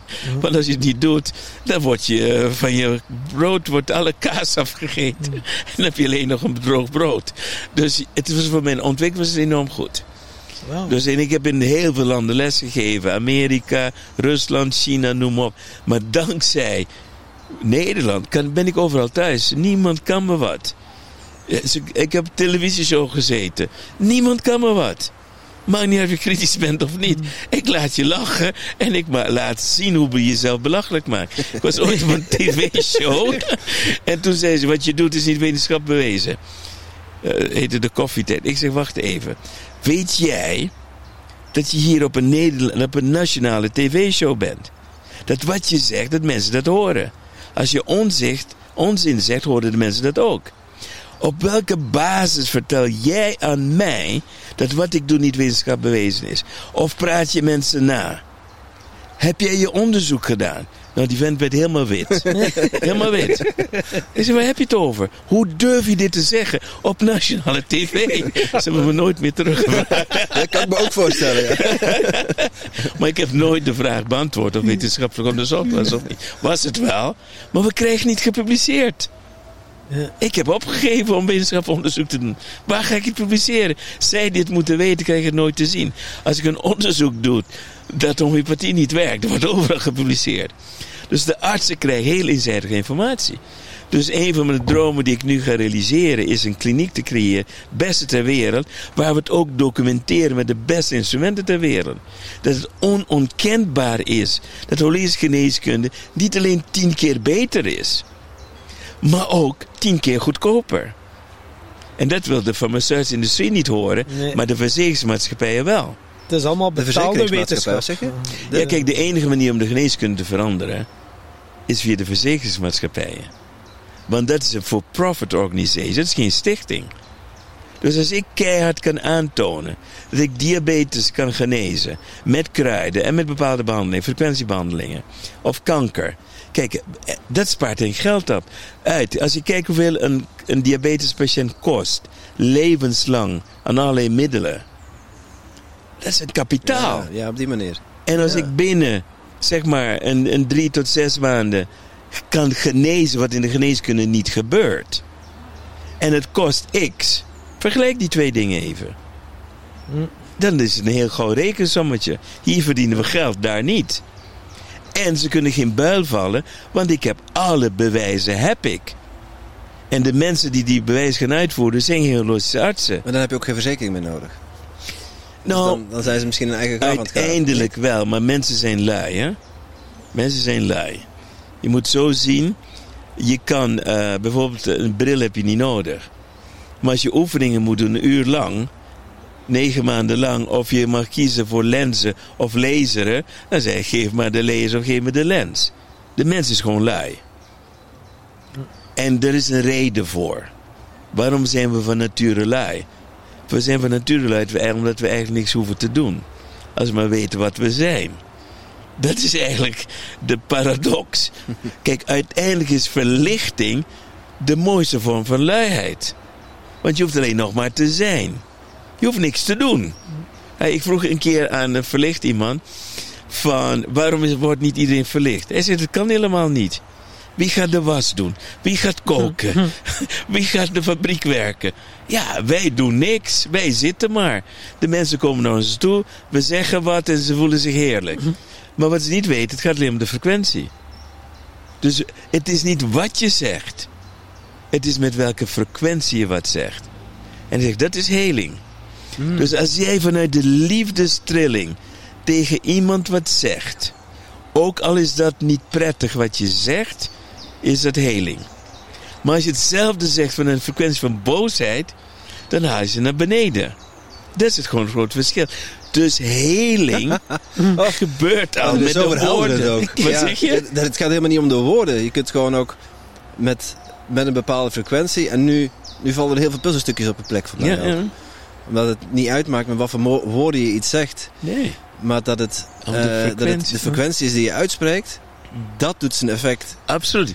Dus, ik ga je een voorbeeld Je kunt iemand uitschelden en nog steeds zeggen: Oh, dankjewel. Ja, ja, dankjewel. precies, precies. Want dat is liefde. Dat is Ja, liefde. alleen de intentie niet om hem te beledigen. Ja, maar het komt vanuit liefde. Ja, wauw. Weet je? Dus als ik bijvoorbeeld, ik heb heel veel audio's gemaakt. Als die vertaald wordt door een goede tolk, heeft het niet dezelfde energie. 0,0. Dus hebben mensen heel, heel vaak gevraagd: kunnen we niet de Engelse eronder zetten? Want dan krijgen we jouw energie mee. Hmm. Mensen kunnen die energie niet vertalen. Dus wij zetten altijd subliminal, niet hoorbaar, zetten we ook mijn stem. Want die vibratie kun je wel voelen. Dus AI kan ook mijn stem nadoen. Maar als je de vibratie niet kan overbrengen, of de frequentie niet kan overbrengen, is het dood. Snap je? Mhm. En dit snapte ik niet. Want toen ik nog praktijk had, waren heel veel mensen die belden mijn antwoordapparaat tien keer op. En dan vroeg hij, waarom heb je dat gedaan? Ja, je stem maakt me zo rustig. Oké, nou blijf maar door. Snap je? Ik had ooit een patiënt en die zegt: Kan je hetzelfde doen als vorige keer heb gedaan? Ik zeg: Wat heb ik dan gedaan? Je hebt je hand op mijn voorhoofd gelegd. Dat was misschien, dat was ik aan het voelen of zo, weet ik veel. Ja, daar word je rustig van. Maar het is de frequentie. Dus dan ben ik uh, mensen hand op voorhoofd gelegd. En dan bleven de mensen in trance te geraken. Wist ik veel. Dus het gaat altijd om de frequentie. Dus het gaat niet om wat je zegt. Als iemand aanraakt, gaat het niet om de aanraking. Ik heb mensen uitgescholden in mijn training die ik heb afgemaakt. Dat iemand naar me toe kwam, en verschillende mensen kwamen naar me toe. Ik wil een hug. ik zeg, en dan? Dat is jouw probleem. Wat heb je met mij te maken? Ik zeg, waarom wil je van mij een hug? Ja, dat vind ik prettig. Maar ik niet, zeg ik. Ik wil niet iedereen huggen. Come on. Dat is voor spiritueel verwarden. Er zijn genoeg mensen die je willen huggen. Ga maar een hugger vinden. Ik doe er niet aan mee. Die vrouw boos in tranen. Ik heb later uitgelegd waarom ik het deed. Vervolgens kwam iemand naar me toe. En oké, ik ga die persoon huggen. Nee, je moet me linksom, hard over hard. Ik zeg, waarom? Waar ben je mee bezig? Jij gaat mij vertellen hoe ik moet huggen. Ja, heerlijk dit. Ik zeg, ja, maar je moet hard tegen hard. Iedereen kent ook zulke mensen, hè? Dus, ja, ja. Ik zeg, welke sukkel heeft je verteld dat het hart met hart moet zijn? Het hart, waar men door weet, is een chakra. Het is niet een spier. En die chakra staat in de vierde dimensie. Het gaat om de trilling, niet om of ik je linksom, je hoofd links, mijn hoofd. Ik zit in een spiritueel verwarde. Laat je niet gek daarmee maken. En naar andere mensen toe, te zeggen: luister, je hebt behoefte aan een hug. Waarom? Waarom heb je daaraan? Wat, waarom wil je dat? Wat is jouw behoefte? Het enige wat je wil is gehoord hebben, ik ben oké. Als jij hetzelfde niet tegen jezelf kan zeggen, kan ik een miljoen hugs geven en morgen kom je me weer huggen enzovoort. Dan heb je een verslaving. ik help je van je verslaving af. je weet nog niet dat je hem hebt, maar... dus ik geloof niet in spiritualiteit. Maar zijn helemaal verwarde mensen. Mijn definitie van spiritualiteit is de subjectieve interpretatie van de kwantumwetten.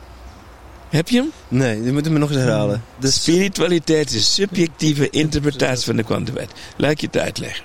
Graag. In India, op een gegeven moment hebben ze geleerd... onvoorwaardelijke overgave is de weg naar verlichting.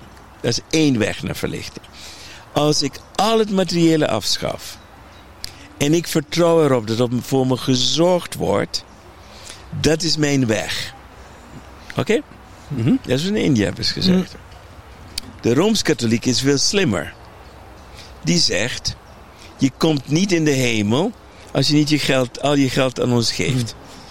Mm. want het is makkelijker voor een kameel om door een oog te, van een naald te gaan dan voor een rijke persoon.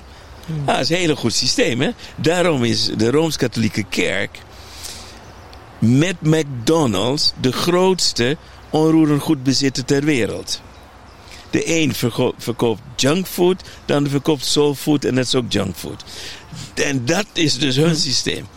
Maar heel veel mensen geloven dat afzweren van geld leidt tot zaligheid. Nee, dat is helemaal niet waar. Het is een weg van kiezen, ik vertrouw dat er voor me gezorgd wordt. Het is een hele moeilijke weg.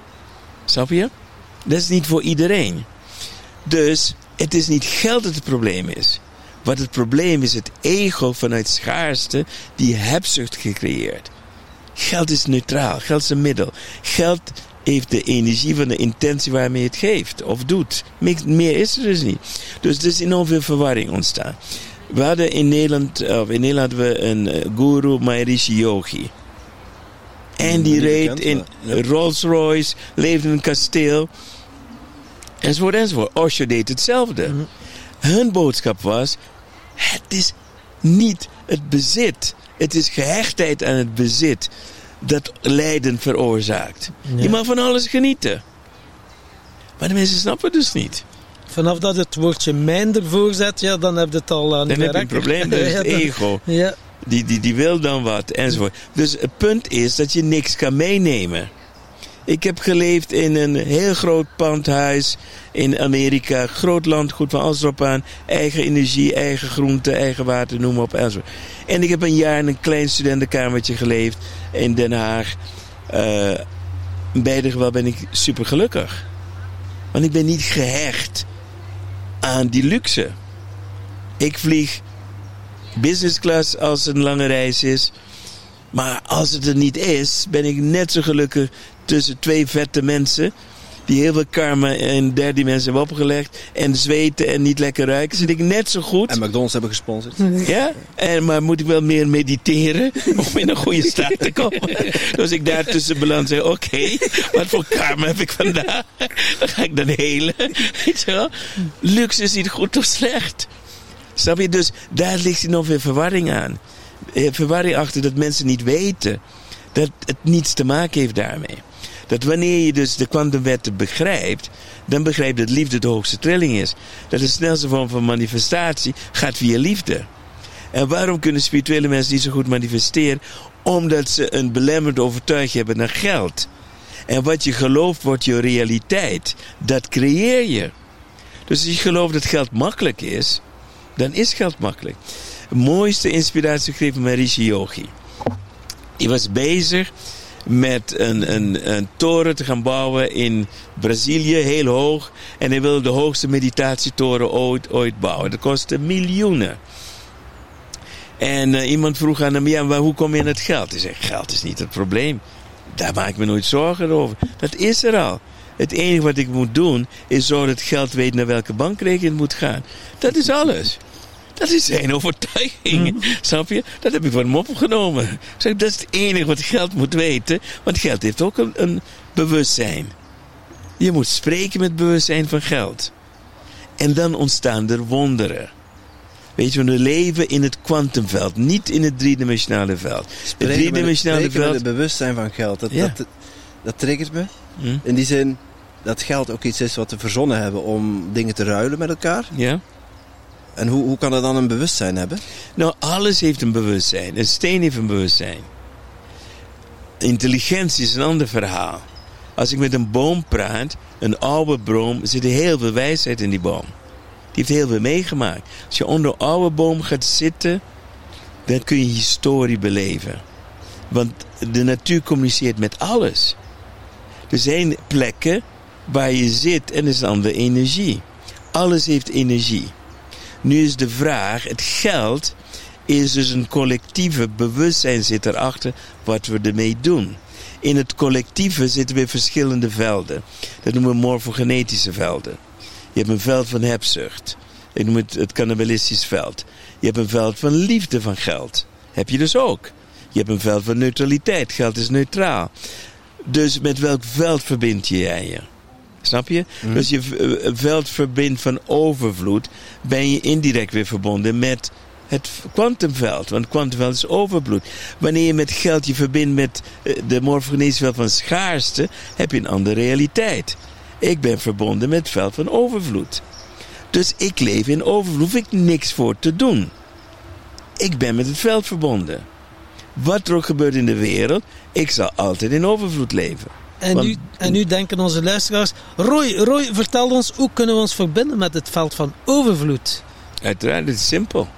Het is heel simpel. Leer alles af wat je hebt geleerd. Geloof niks dat niks dat waar is, is waar. Niets is waar. En maak dan je keuze. Dat is het verschil. Wow. Ik zeg, ik geloof niks. Ik heb ervaring.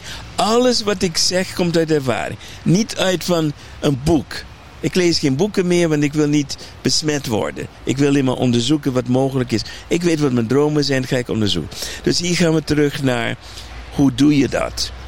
Dat doe je en hoe wij het doen vanuit quantum. We hebben een techniek dat heet quantum tijdlijn jumpen. Als alles in parallel universum bestaat. En er komen meer films hierover. Als we gaan kijken naar de film Everything, um, Everywhere at the Same Time een stomme film. Hij gaat nergens over, maar ze worden wel uitgelegd over de parallele tijdlijnen. Wanneer wij dat weten, dan is hier een belangrijk gegeven dat iedereen moet weten. Alles wat je voelt en verlangt vanuit je hart, bestaat al op een andere tijd en anders kun je het niet voelen. Dat is regel nummer één die je moet onthouden. Dus elke hartewens die ik heb, bestaat al op een andere tijdlijn in real time. Dus iemand zegt alles is er als gewoon een kreet waar je niks aan hebt. Het bestaat op een andere tijdlijn. Wij creëren niet, we kunnen alleen verbinden. dus het, alles wat we wensen is, dat bestaat al. Het enige wat ik hoef te doen, is mij te verbinden met de tijdlijn waar het al bestaat. En dat noemen we een quantum jump. Dus ik ga me voorstellen, ik ontspan mezelf en ik in mijn hoofd ga ik door een portaal, door een ander portaal en dan kom ik uit bij tijdlijn waar mijn harte wensen bestaan. Nou, één groot verschil met visualiseren. In mijn sporttijd ben ik wereldkampioen geworden door visualiseren. En er zijn heel veel verschillende vormen van visualiseren. Ik ben kampioen geworden doordat ik voordat de wedstrijden begonnen, ging naar de beker toe die ik zou kunnen winnen, die hield ik vast. En dan ging naar de toekomst toe, waar ik de beker op de kast legde, waar ik al een plek had voor de beker. Ik verbond me met de toekomst. Noemen we in uh, quantum science quantum entanglement. Dus ik ben toen naar een tijdlijn gegaan waarin ik reeds gewonnen heb. That's it. En dan doe je de wedstrijden tussen mij en de beker zijn misschien twaalf opponenten, maar ik heb al gewonnen. Er is niemand die mij kan verslaan, want ik heb al gewonnen. Je kan mij niet verslaan als ik heb gewonnen. Ik heb dus meer dan 100 wedstrijden achter elkaar gewonnen op knockout. Ik heb de snelste records op knockout in de wereld. De meeste knockouts op een dag. Ik heb één knockout, dat is uh, anderhalf seconde geweest. Ik had al gewonnen voor de wedstrijd begon.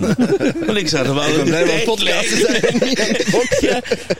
Dus ik ben op de tijdlijn waar ik wil zijn. De rest niet. De rest denkt van ja, zal ik winnen, zal ik niet winnen. Die hebben wel gevisualiseerd dat ze misschien winnen. Maar die zaten nog niet op de tijdlijn. Dus het verschil.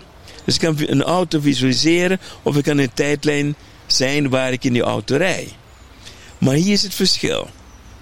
Wanneer ik spring naar die tijdlijn, krijg ik informatie die ik nog niet ken. Snap je? Mhm. Want eh, het is echt, ik noem dit niet visualiseren, ik noem het hallucineren. Mm En tweede deel, het is interactief hallucineren. Wanneer iemand ayahuasca neemt of magic mushrooms of wat hebben we nog meer, pado, noem maar op, mhm. al die zaken, ga je hallucineren. Maar wat je hallucineert bestaat echt. Want je gaat nu in het kwantumveld waar alles is. Je kan niet iets hallucineren dat niet bestaat. Wij zijn niet creatief, 0,0. Het rechte brein, het zogenaamde creatieve brein, is het draadloze brein dat met alles verbonden is. En het enige instrument dat nodig is, de pijnappelklier. Dus de pijnappelklier verbindt het rechte brein met het kwantumveld. Alle ontdekkingen komen uit het kwantumveld, maar die bestaan al de, al die films, al die boeken, die worden gewoon gechanneld. Gewoon gedownload. Dus ja, ik heb eh, iemand uh, in onze hypnosecursus gehad. Die heeft een boek gechanneld met buitenaardse wezens. Dat boek, dat boek heet De Lichtkracht. Niks van haar erin. 100% gechanneld. Heel veel films, als je kijkt naar de films uh, Star Trek, 100% gechanneld. Hoe heet die Rodenberg, Bert Rodenberg? Die was een channelaar. Cursus en wonderen ook zeker? Cursus en wonderen en zo. Is ja, bijvoorbeeld. Ja. Ook gechanneld. Ik heb met muzikanten gewerkt. Channelen allemaal. Ik heb met Carlos Santana gezeten. Vier, vijf uur. Hij gebruikt cannabis. En dan komt hij in de staat dat zijn rechterbrein open gaat. Pen alle muziek channelt hij. Alle lyrics channelen. Ik werk nu samen met Stacey Seedorf. Een wereldster geweest. En hij is de vernieling ingegaan. Hij werd zo uh, zeg maar groot en rijk, dat hij zijn, zijn schaduw voorbij ging en dat kon hij niet verdragen. Maar al zijn hits heeft hij gechanneld. Toen hij gedwongen werd om hits te schrijven, ging hij het zelf proberen, werd helemaal geen hits. Allemaal flops. Ja. Hm. Dus Zo, ja, alles bestaat al. En ik leer mensen via kwantumhypnose en andere technieken om daarmee te verbinden. Andere mensen praten er heel veel over, maar je hebt er niks aan. Mhm. Je moet leren hoe dat te doen. Maar op het moment dat je het weet dat het bestaat, kun je het al doen. En is het dan zo dat, dat we, we zitten hier te podcasten, stel dat we met z'n drieën een, uh, een wedstrijd zouden boksen. En mm -hmm. kan er maar één winnen. Ja? Uh, op deze tijdlijn. Ja, op deze tijdlijn. Dus, oh, de tijdlijn dus, dus een andere tijdlijn kunnen we alle drie winnen. Ja. Elke tijdlijn bestaat. Zo, moeten we het maar kijken. Maar degene die het krachtigst is in de zijn frequentie wint hier. Snap je? Hier ben ik onverslaanbaar geweest omdat ik het kracht was in mijn frequentie. Al was je beter. Ik heb tegen wereldkampioenen gestaan. Ik heb tegen de beste van de beste gestaan. En ze allemaal verslagen binnen een minuut. Hoe kan dat? Niemand durfde tegen me te vechten. Kan gewoon niet. Dus, en dat heeft alleen hiermee te maken. Dus het is niet zo moeilijk. Waar het om gaat is dat jij alles loslaat en zegt: Mijn hartenwensen bestaan. Ik ga me verbinden met hartenwens. Ik stap in het leven van mijn hartenwensen alsof het reeds bestaat. En ik laat alle informatie naar me toe komen. Hoe ziet het leven dan eruit? Waar woon ik? Ik ga niet met te veel voorbedachte raden erin stappen. Ik ga alleen erin stappen met die hartenwensen voor mij het belangrijkste is. En de rest ontdek ik daar. Maar het belangrijkste komt dat wanneer je frequenties gaan veranderen. En hoe verander je frequenties? Is door, ik noem het downloaden van die persoon daar, die jij ook bent, in jezelf. En te voelen. Dus het laatste stuk van de oefening die wij doen, het belangrijkste stuk van de hallucinatie is dat je stapt in de ander en je verbeeldt dat je kunt weet wat er gebeurt in aan. Hoe voelt dat om mijn meest succesvolle, mijn meest liefdevolle, mijn uh, versie die de meeste impact heeft de wereld. Hoe voelt dat om in die versie te stappen? Dat breng ik terug naar huis. Dat is alles wat ik hoef te doen. Want daarmee verander ik mijn frequenties. En dan dwing je het universum om zich aan te passen aan je frequenties. De universum heeft geen keuze. Als ik de frequenties in mijn familiair dan moet het universum voor zorgen die miljarden komen. Het heeft geen keuze. Ik hoef ook niks te doen. Ik hoef alleen maar te wachten tot de deur open gaat die mij brengt bij de manier waarop dat gaat gebeuren. Je moet enkel door de deur stappen. Yes. Maar ik jaag niks aan. Ik heb een boek geschreven, De geheimen van een luie miljardair. Ik heb een mentor gehad die het zo heeft gedaan. Die is zo miljardair geworden.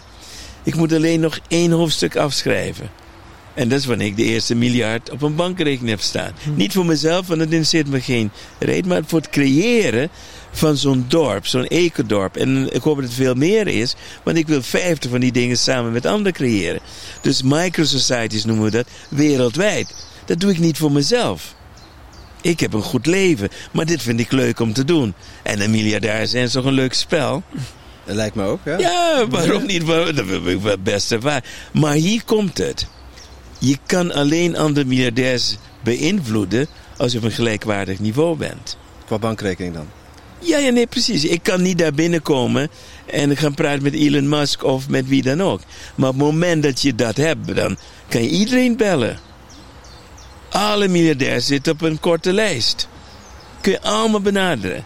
En dan kun je alle presidenten ter wereld kun je benaderen. Dat is het gekke hier op aarde. Tot ze horen wat je van plan bent. Dan, uh... Ja, het gekke hier op aarde. Dat spirituele mensen zijn tegen geld. Maar als je kijkt, als je dat geld hebt, kun je werkelijk van binnenuit beïnvloeden. Is het waar dat de rijkste mensen ter wereld uh, laat zich beïnvloed worden door duisternis? Als je spirituele, spirituele termen wilt beschrijven. Yes. Dat is waar. Maar is het ook waar dat je hen kunt beïnvloeden?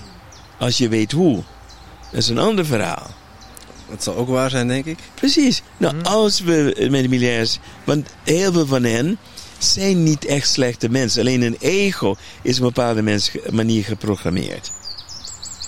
Als we daar invloed op kunnen hebben. En sommigen zijn echt onder invloed van andere energieën. Maar dat is te beïnvloeden.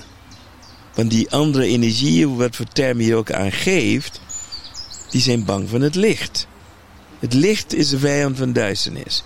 Want als het licht schijnt op de duisternis, is er geen duisternis. Dus je hoeft niet voor bang te zijn. Dus wij, die verder zijn, hoeven niet bang te zijn voor de duisternis. Het is andersom. Dus al die spirituele mensen die bang zijn voor de duisternis, geven de duisternis macht. Want het is de duisternis die bang is voor jou. Dus jij hoeft niet bang te zijn voor de. Het is zo simpel Ja. dat men het niet snapt. Zeg mensen, ja, ik moet beschermd worden. Geef me, verkoop me een amulet. Geef me een apparaat met frequentie om me te beschermen. Werkt niet. Jouw angst, jouw ego. Voet, juist. Je- ego is de deur voor de duisternis om binnen te komen. Want de ego leeft in dualiteit. Dus als je je onveilig voelt in de duisternis, dan ben je onveilig. Ik kan overgaan ter wereld. Ik ben nergens bang voor. Ik ben op plekken geweest waar niemand zou gaan. Ik heb met criminelen gedeeld. De grootste criminelen op aarde. Ze hebben me bedreigd. Ik heb ze uitgelachen. Zeg, als je me kapot maakt en dan wat? Als je goed voelt, ga je gang. Maar je gaat mij niet bang maken. Ik ben ergens bang voor. Je kan me pijn doen, maar ik ga zo uit mijn lichaam. Je hebt mijn lichaam, speel er lekker mee. Als je klaar bent, kom ik terug. Nou dan. Dat hebben we niet eens geprobeerd. Nee, ze durven niet. Want ik ben niet bang. Kijk, wat ze willen is angst inboezemen. Ik zat met iemand in Londen. Ik behandelde zijn zoon. Die had een hersentumor. Een Rus. Is toen nog niet dat hij crimineel was. Hij, op een gegeven moment kwam hij naar me toe. Ik kwam zitten en hij zei tegen me van... eh, weet je wie ik ben? Ik zeg nee. Hij zei, ik kan jou laten verdwijnen... of ik kan jou meest bekende ster maken op de wereld. Ik zeg, als ik een keuze heb, kies ik voor het laatste. Dat is een verstandige keuze. ja, ik denk, eh, wat nu? Hij zegt, hoe lang gaat deze behandeling door? Ik zeg, eh, ik meen nu op te merken dat je niet communiceert met je vrouw. Ik zou je aanraden met haar te gaan praten. Oké, nou, wat ga je doen? Toen zei ik, kan je mijn vrouw behandelen? Ze is alcoholist. Ik zeg, dat kan ik zeker doen. Moet ik daarvoor ook betalen? Ik zeg, ik ben niet de supermarkt. Het is niet twee, betalen, twee halen, één betalen. Hij kon niks met mij. Hij kon niks met mij. Toen ben ik gaan googlen en ik kon het niet vinden. Toen had ik een vriend, die kon in de, hoe noemen ze de diep... eh, Deep web. En dan blijkt de grootste miljardair, mi- eh, ehm, hoe heet crimineel te zijn van Rusland. Dat wist ik niet. Maar ik ben er niet bang voor. Dus als je niet bang bent, kunnen ze niks met jou. Dat is het verschil. Zelfs de ergste criminelen kunnen niks met Want zij hebben macht door jouw angst. Hun ego wil jou zien trillen van angst voor hen. En ik lach hem toe. Ik zie alleen maar liefde. Ik zie een klein jongetje voor me die probeert groot te doen. Ik heb compassie, niet medelijden. Want medelijden is nee-lijden. Ja. Ik heb compassie voor hem. En ja, uiteraard is een kind eh, genezen, bewezen op een CAT-scan. Geen enkele professor op de wereld kon dat. De beste holistische therapeuten kon dat niet. En ik heb het kind genezen alleen met een spelletje. Ik heb hem leren visualiseren. Een spelletje leren visualiseren. En daarmee is de tumor verdwenen. Straf. Zo simpel was het. Maar goed, dus het verhaal is dat de duisternis bang is van het licht. Maar wanneer het licht bang is van de duisternis, heeft een deur opgemaakt de duisternis. Mhm. Nee, nee, Dus als je onveilig voelt, is het een uitnodiging om iets in jouzelf te helen totdat je veilig voelt. Maar weg te rennen van onveiligheid is geen groei.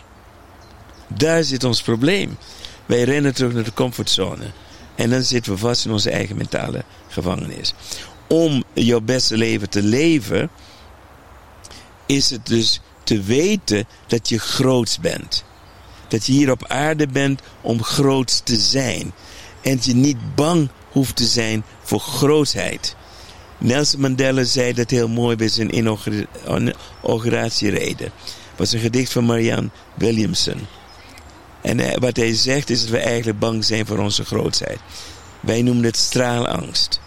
We hebben geen faalangst. We hebben Straalangst. straalangst. Angst om te schitteren. We zijn angst hebben om te stra- stralen. We noemen onszelf human beings. Dat zijn we niet. We zijn human beamings. Wij stralen. Maar wanneer je licht dimt, straal je minder. En dan lijd je. En wanneer je lijdt, word je ziek. Dan heb je problemen. En je voelt miserie. Weet je, nou, het belangrijkste om werken je leven te leven is om te leren alles los te laten. Het verleden bestaat niet. Die trauma, die is weg. Waarom denk je er nog aan? Waarom laat je nog pijn doen? Ga terug naar die trauma. En vraag jezelf: hoe kan ik die trauma opnieuw beleven? Zodat het een herinnering wordt van een wijsheid. Dat is de les. Een andere, snellere manier is om volledige verantwoordelijkheid te nemen voor de trauma. Dus zegt dat mijn hogere zelf, mijn goddelijke vonk, of mijn ziel, heeft dit voor mij gecreëerd omdat mijn ziel vertrouwen heeft dat ik door deze trauma meer in mijn kracht ga komen. Mm. Er is niemand om te beschuldigen van mijn trauma. Wanneer ik die wijsheid zie in mij, dat mijn ziel gelooft dat ik zo krachtig ben, dat ik over deze trauma heen kan komen, dat ik mezelf kan helen. En misschien dat er gedachte achter zit dat ik ooit dit iemand anders heb gedaan. Als het waar zou zijn en ik dit nu heb beleefd, zou ik die ander die mij ooit pijn heeft gedaan in een andere tijdlijn kunnen vergeven voor de pijn en die mij veroorzaakt? Of kan ik mezelf vergeven voor de pijn en die ik anderen heb veroorzaakt? En als je vanuit die nederigheid om vergeving kunt vragen, ben je klaar. Dan ben je weer terug in de liefde. Dan is geen trauma. Weet je, en dus een trauma voor mij is niet iets wat bestaat, is een dramaverhaal waar we onszelf aan vasthouden en daardoor nog steeds gevangen zitten in hetzelfde onopgeloste conflict die we misschien al 200 keer al hebben ervaren. Dus Wanneer gaan we het leren? Dus in principe zeg je, oké trauma, laat het mij nog een keer herbeleven om daar dan de wijsheid uit te halen. Ja, maar vanuit het... weten Geef me het wel het. dat jij dit verhaal hebt gekozen om iets te ervaren, om sterker te worden. Dus we hebben een therapie, die noemen we tijdlijntherapie. Dus dan nemen we iemand mee bijvoorbeeld voor de trauma. En dan vragen we de, stellen we de vraag: wat moet je nu weten om de trauma ergens anders, ergens, om je trauma anders te ervaren? Nou, misschien moet ik weten dat ongeacht wat er gaat gebeuren, dat dit niet te betekenen heeft dat ik niet geliefd ben of dat ik niet liefde ben. En misschien moet ik weten dat ik dit misschien een ander heb aangedaan. Dat ik dit alleen ervaar om het zelf te kunnen ervaren wat ik een ander heb aangedaan. Zodat ik mezelf kan vergeven. Nou, dan ga je die trauma anders ervaren. En dan spring je op een andere tijdlijn. Waar je die trauma anders hebt ervaren. En daarmee heb je verleden letterlijk veranderd. Dus jouw verleden, waar je, de tijdlijn waar je vroeg, voorheen op zat, voor die heling bestaat dan niet meer op jouw tijdlijn. Dus we kunnen niet alleen zo'n tijdlijn in de toekomst veranderen. We veranderen ook onze tijdlijn in het verleden. Dingen die gebeurd zijn, kan je ook weer gaan veranderen. 100%. Ongeacht in welke tijdlijn dat was. En dat is de kracht van wat we noemen de quantum, de quantum hypnose, quantum tijdlijn jumpen. Maar ook het begrijpen van quantum. En ik hoor je ook zeggen dat in principe iedereen dat kan. Iedereen is bij machten om dat te doen. Laten we het eh, anders zeggen, is dat we in een tijd zijn gekomen waardoor karma heel snel veranderd kan worden. We komen in de vissentijdperk waarin het, de, het collectieve niet zo ver was. Nu zijn we uit het collectieve van het lijden aan het stappen naar de Aquarius, naar de watervrouw-tijdperk, mm-hmm. waarin alles moeiteloos mag gaan. Dat is het tijdperk waar we nu in zitten. We hoeven niet meer te lijden. Eén beslissing is voldoende om te veranderen. Maar we moeten wel geloven dat het waar is. Maar als jij gelooft dat je moet boeten, dan ga je boeten. Dus dat is nu aan het veranderen. En tegelijkertijd zien we het ook terug in de technologie. Als wij niet ervoor zorgen dat de technologie goed bewaakt wordt, dan zal de technologie ons schade kunnen aandoen. Dat is, dat is het punt waar we op zitten. Van welke kant gaan we op? Gaan we naar de nieuwe aarde toe? Dan zullen veel meer mensen wakker moeten worden. Maar wakker worden is één stap. Er moet ook een revolutie komen. We moeten weigeren om bepaalde dingen nog te doen. Mhm. En wanneer we massaal opstaan, ja, wat, wat kunnen ze dan doen? De schaapjes mogen leven worden. Precies, er zijn niet genoeg gevangenis, genissen om heel de mensheid erin op te sluiten. Ja. Dat is één manier. Ja. Dus, en we moeten beginnen bij onszelf. We moeten beginnen met de frequentie van onszelf te veranderen. Vrede in onszelf te creëren. Vrede is de hoogste frequentie die we makkelijk kunnen bereiden, bereiken. Als we vrede ervaren, maken we vrede met alles. Vrede met ons verleden. Vrede met de mensen die nog steeds vastzitten in de mentale gevangenis en daardoor gedrag vertonen dat onprettig is. We sluiten vrede mee. De hoogste vorm van liefde is acceptatie van een ander zonder te hopen op verandering. Dus als je nog hoop hebt op verandering, is het geen liefde. Dus lief, echte liefde is, ik ben getrouwd met een klootzak en ik accepteer hem precies zoals het is. Ik wens hem het beste toe, maar echte liefde is niet proberen de ander te veranderen. Maar dat kun je niet. Maar als jij gaat stralen en die ander is in jouw omgeving, worden ze meegenomen. En vroeg of laat willen ze ook stralen. Maar ze zien dat je altijd gelukkig bent. En dan worden ze jaloers. dat is wat gebeurt. In mijn hele familie dit doen ze allemaal mee. Ik ben de gelukkigste. Ik ben de rijkste. Ik heb leef mijn droomleven. Wat doet die rode wijn niet doen? maar niemand is naar judo gegaan. Want in judo, daar kwam ik een leraar tegen. En die zei tegen mij, Roy, je bent de kampioen. Ik zie aan je, je bent de kampioen. Je loopt als een kampioen. Ik ben hem gaan geloven. Dus, zij zijn niet geweest, dus zij weten dat niet. dus dat is, het, dat is het verhaal. Is als je gelooft, wat je ook gelooft, dat is jouw waarheid. En jouw waarheid maakt je waar. Wie ben ik om te zeggen dat jouw waarheid niet waar is? Ja, dat is, dat is echt heel. Dat is waar. Ja, alle waarheden bestaan naast elkaar. Snap je? Ja. Dus wat zoek je als je je waarheid hebt gevonden? Je gaat naar andere mensen zoeken die dezelfde soort waarheid hebben. En dan zeg je tegen me: Dit is waar. Kijk maar hoeveel mensen geloven dit waar is. Nou, dan heb je een collectieve en dan geloof ben je nog meer blijven steken in het collectieve. Ja, dan ga je anderen overtuigen over jouw waarheid. Dus Roy is zo'n keer een experiment. Wij hebben uh, bijvoorbeeld 10.000 luisteraars per maand. 10.000 wat? 10.000 luisteraars per maand ja. hebben bij onze podcast.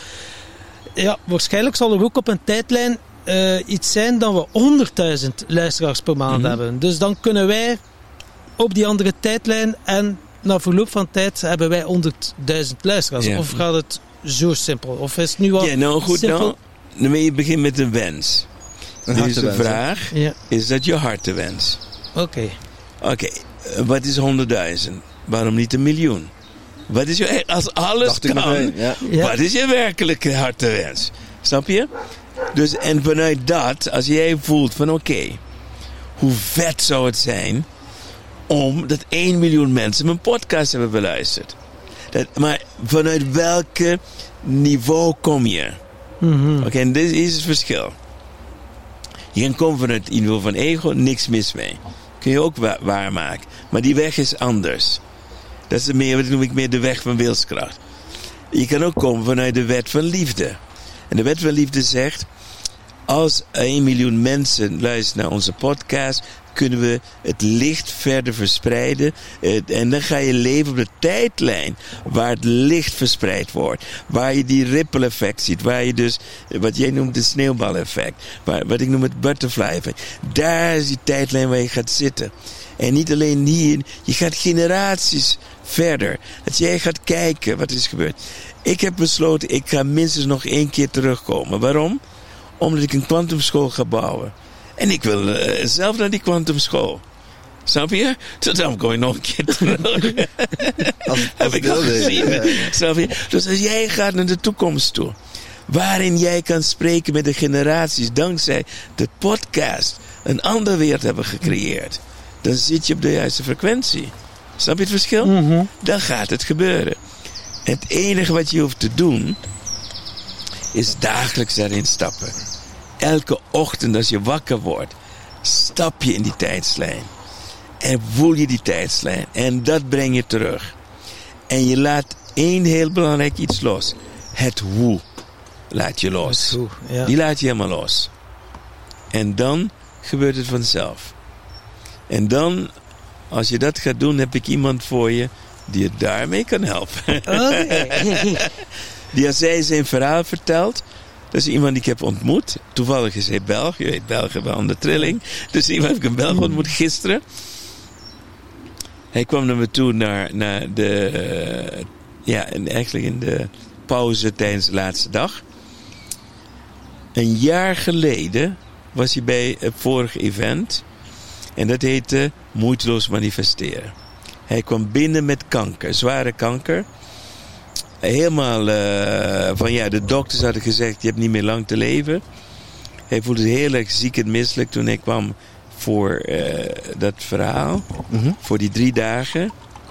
En tussen dat evenement en nu is hij volledig genezen van kanker. Wauw. En hij heeft na Op één jaar tijd. manifesteren heeft hij een afspraak gemaakt met het universum, zoals wij hem hebben geleerd. En hij zei tegen het universum, wanneer je ervoor zorgt dat ik genees van kanker, zal ik mijn geld gebruiken om andere mensen te helpen. Dus hij komt terug, een jaar later. En hij zegt, ik kom hier om mijn afspraak die ik heb gemaakt in jou moeiteloos manifesteren, om dat aan jou te vertellen. En hebben nog voor meer dingen gevraagd. Ik ga een stichting oprichten waarin frequentietherapie gaat bestuderen. Je hebt mij gevraagd je daar dus deel wil in meenemen. Wat een onderdeel is van mijn wens om de beste kliniek te creëren. Ik heb een uh, app gemaakt, Quantum Life app. We zitten in de beginfase. En dat is de app waarin we onze dromen met tonen, activiteiten kunnen beleven. Het nu, waardoor het manifestatieproces sneller gaat. Ik zeg, nou wil je ook investeren in die app. En dan kunnen we meer mensen sneller bereiken. Want de ontwikkelingskosten zijn mega. Om, om echt software te ontwikkelen, noem maar op. En ik, ik ben bezig met die microsocieties om dus iets in de Amazone te gaan doen, waar ik de geneeskrachtige kruiden van de Amazone wereldwijd kan verspreiden, zodat de Amazone gaan zien als wat ik noem de groene apotheek. Uh, apotheek. Ik heb het ook genoemd de Big Green Pharma. Mm. Uh, ik zeg, nou, daarin kunnen we ook hulp gebruiken. Hij zegt dat hij miljarden kan manifesteren. Ik zeg, bring it on. En hij heeft een mooi verhaal over kanker. Ik heb een programma gemaakt voor kanker, waar ik de allerbeste technieken die ik ken van mijn 45 jaar studie, heb ik één pakket gestoken, een soort training en cursus voor kankerpatiënten, waarvan ik weet dat de meesten hierdoor van kanker kunnen genezen. Die komt uit waarschijnlijk na de zomer. Hij zei tegen mij, nou ik ga dit sponsoren. Alle mensen die het niet kunnen betalen, daar betaal ik voor. Die man moet je een verhaal hebben. Ja, die ja, mag je, dat klinkt als een mooi verhaal voor de podcast. Ja, want hij heeft de macht en kracht om die podcast bij 100.000 man te brengen. Wauw. Alleen al... Je ziet, je bent... Het is, het, alleen al het verhaal is inspirerend. Ik zal je een mooi verhaal vertellen van, weet je hoe quantum dus werkt. Ik word op een gegeven moment benaderd door een journaliste uit Frankrijk. Van, en uh, ze had me gezien op mijn Instagram, want daar geef ik elke dag een les over quantum. Ze had het gezien en een grote fan van Joe Dispenza. Heeft uh, Joe Dispenza ook naar Frankrijk gebracht. En op een gegeven moment uh, sprak ze een bericht in. Zei ik ben Lilo en uh, ik heb gezien op Instagram, ik zou je graag willen interviewen. Ik heb een miljoen volgers. Ik denk wel dat jij iets voor die mensen te vertellen hebt en jij doet hetzelfde als Joe Dispenza. Ik zei nee, nee, nee, nee. Nee, nee, nee, nee. Joe, wat Joe Dispenza doet is kleuterklas quantum. Als je echt quantum wil weten, moet je bij mij komen. Ik ben niet arrogant, ben niet verwaand, maar ik weet wel wat ik weet. en wie wat gelooft, maakt me niets uit. Nou, we komen daaraan. Of ik kom dan in Parijs. En ze komen halen in het hotel. Ze zeggen, ja, ik heb drie opties om voor restaurants waar ik naartoe wil nemen. Dit is de vooravond voor het gesprek. Ik zeg, luister. Of je gebruikt quantum, of je gebruikt niet quantum. Jij bent vrouw. Je hebt een hele sterke intuïtie. Ik wil dat je binnengaat nu. En dat jij voelt welke restaurant we moeten gaan. Nou, toen zei ze: Oké, we gaan naar die restaurant. Oké. Kom in het restaurant, we gaan daar zitten. En dan komt een man naar de toe. Die haar herkent. En ze begint Frans te, te babbelen heen en weer.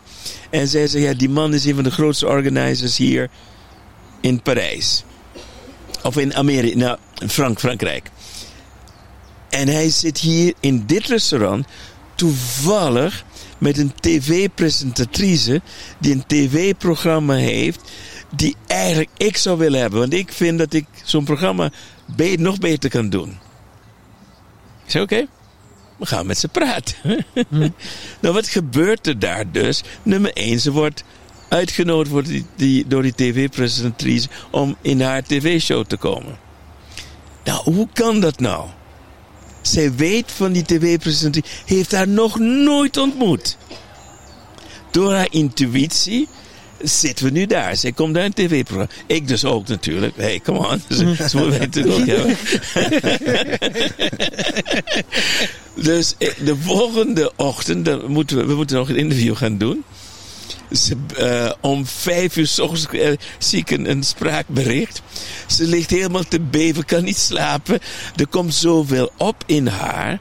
Want nu komt ze dichter bij haar droom. Nu kan de sabotagemechanisme, die zit op maximaal. Zit nu in haar kleinheid. Haar ego die voelt zich maximaal onveilig. Nu ze dichter bij haar droom komt. En ze heeft me gevraagd of ik een sessie met haar wilde doen. En mijn sessies zijn gewoon razendsnel. Ik kan meestal in 10 minuten meer doen dan mensen in 10 traumatherapieën. Hadden in uh, onze workshop hadden we iemand uh, toevallig een Belgische vrouw. ik weet niet wat met België is. Ja, dat die, zal het kwantumveld zijn. Ja, ja, misbruikt is in haar jeugd.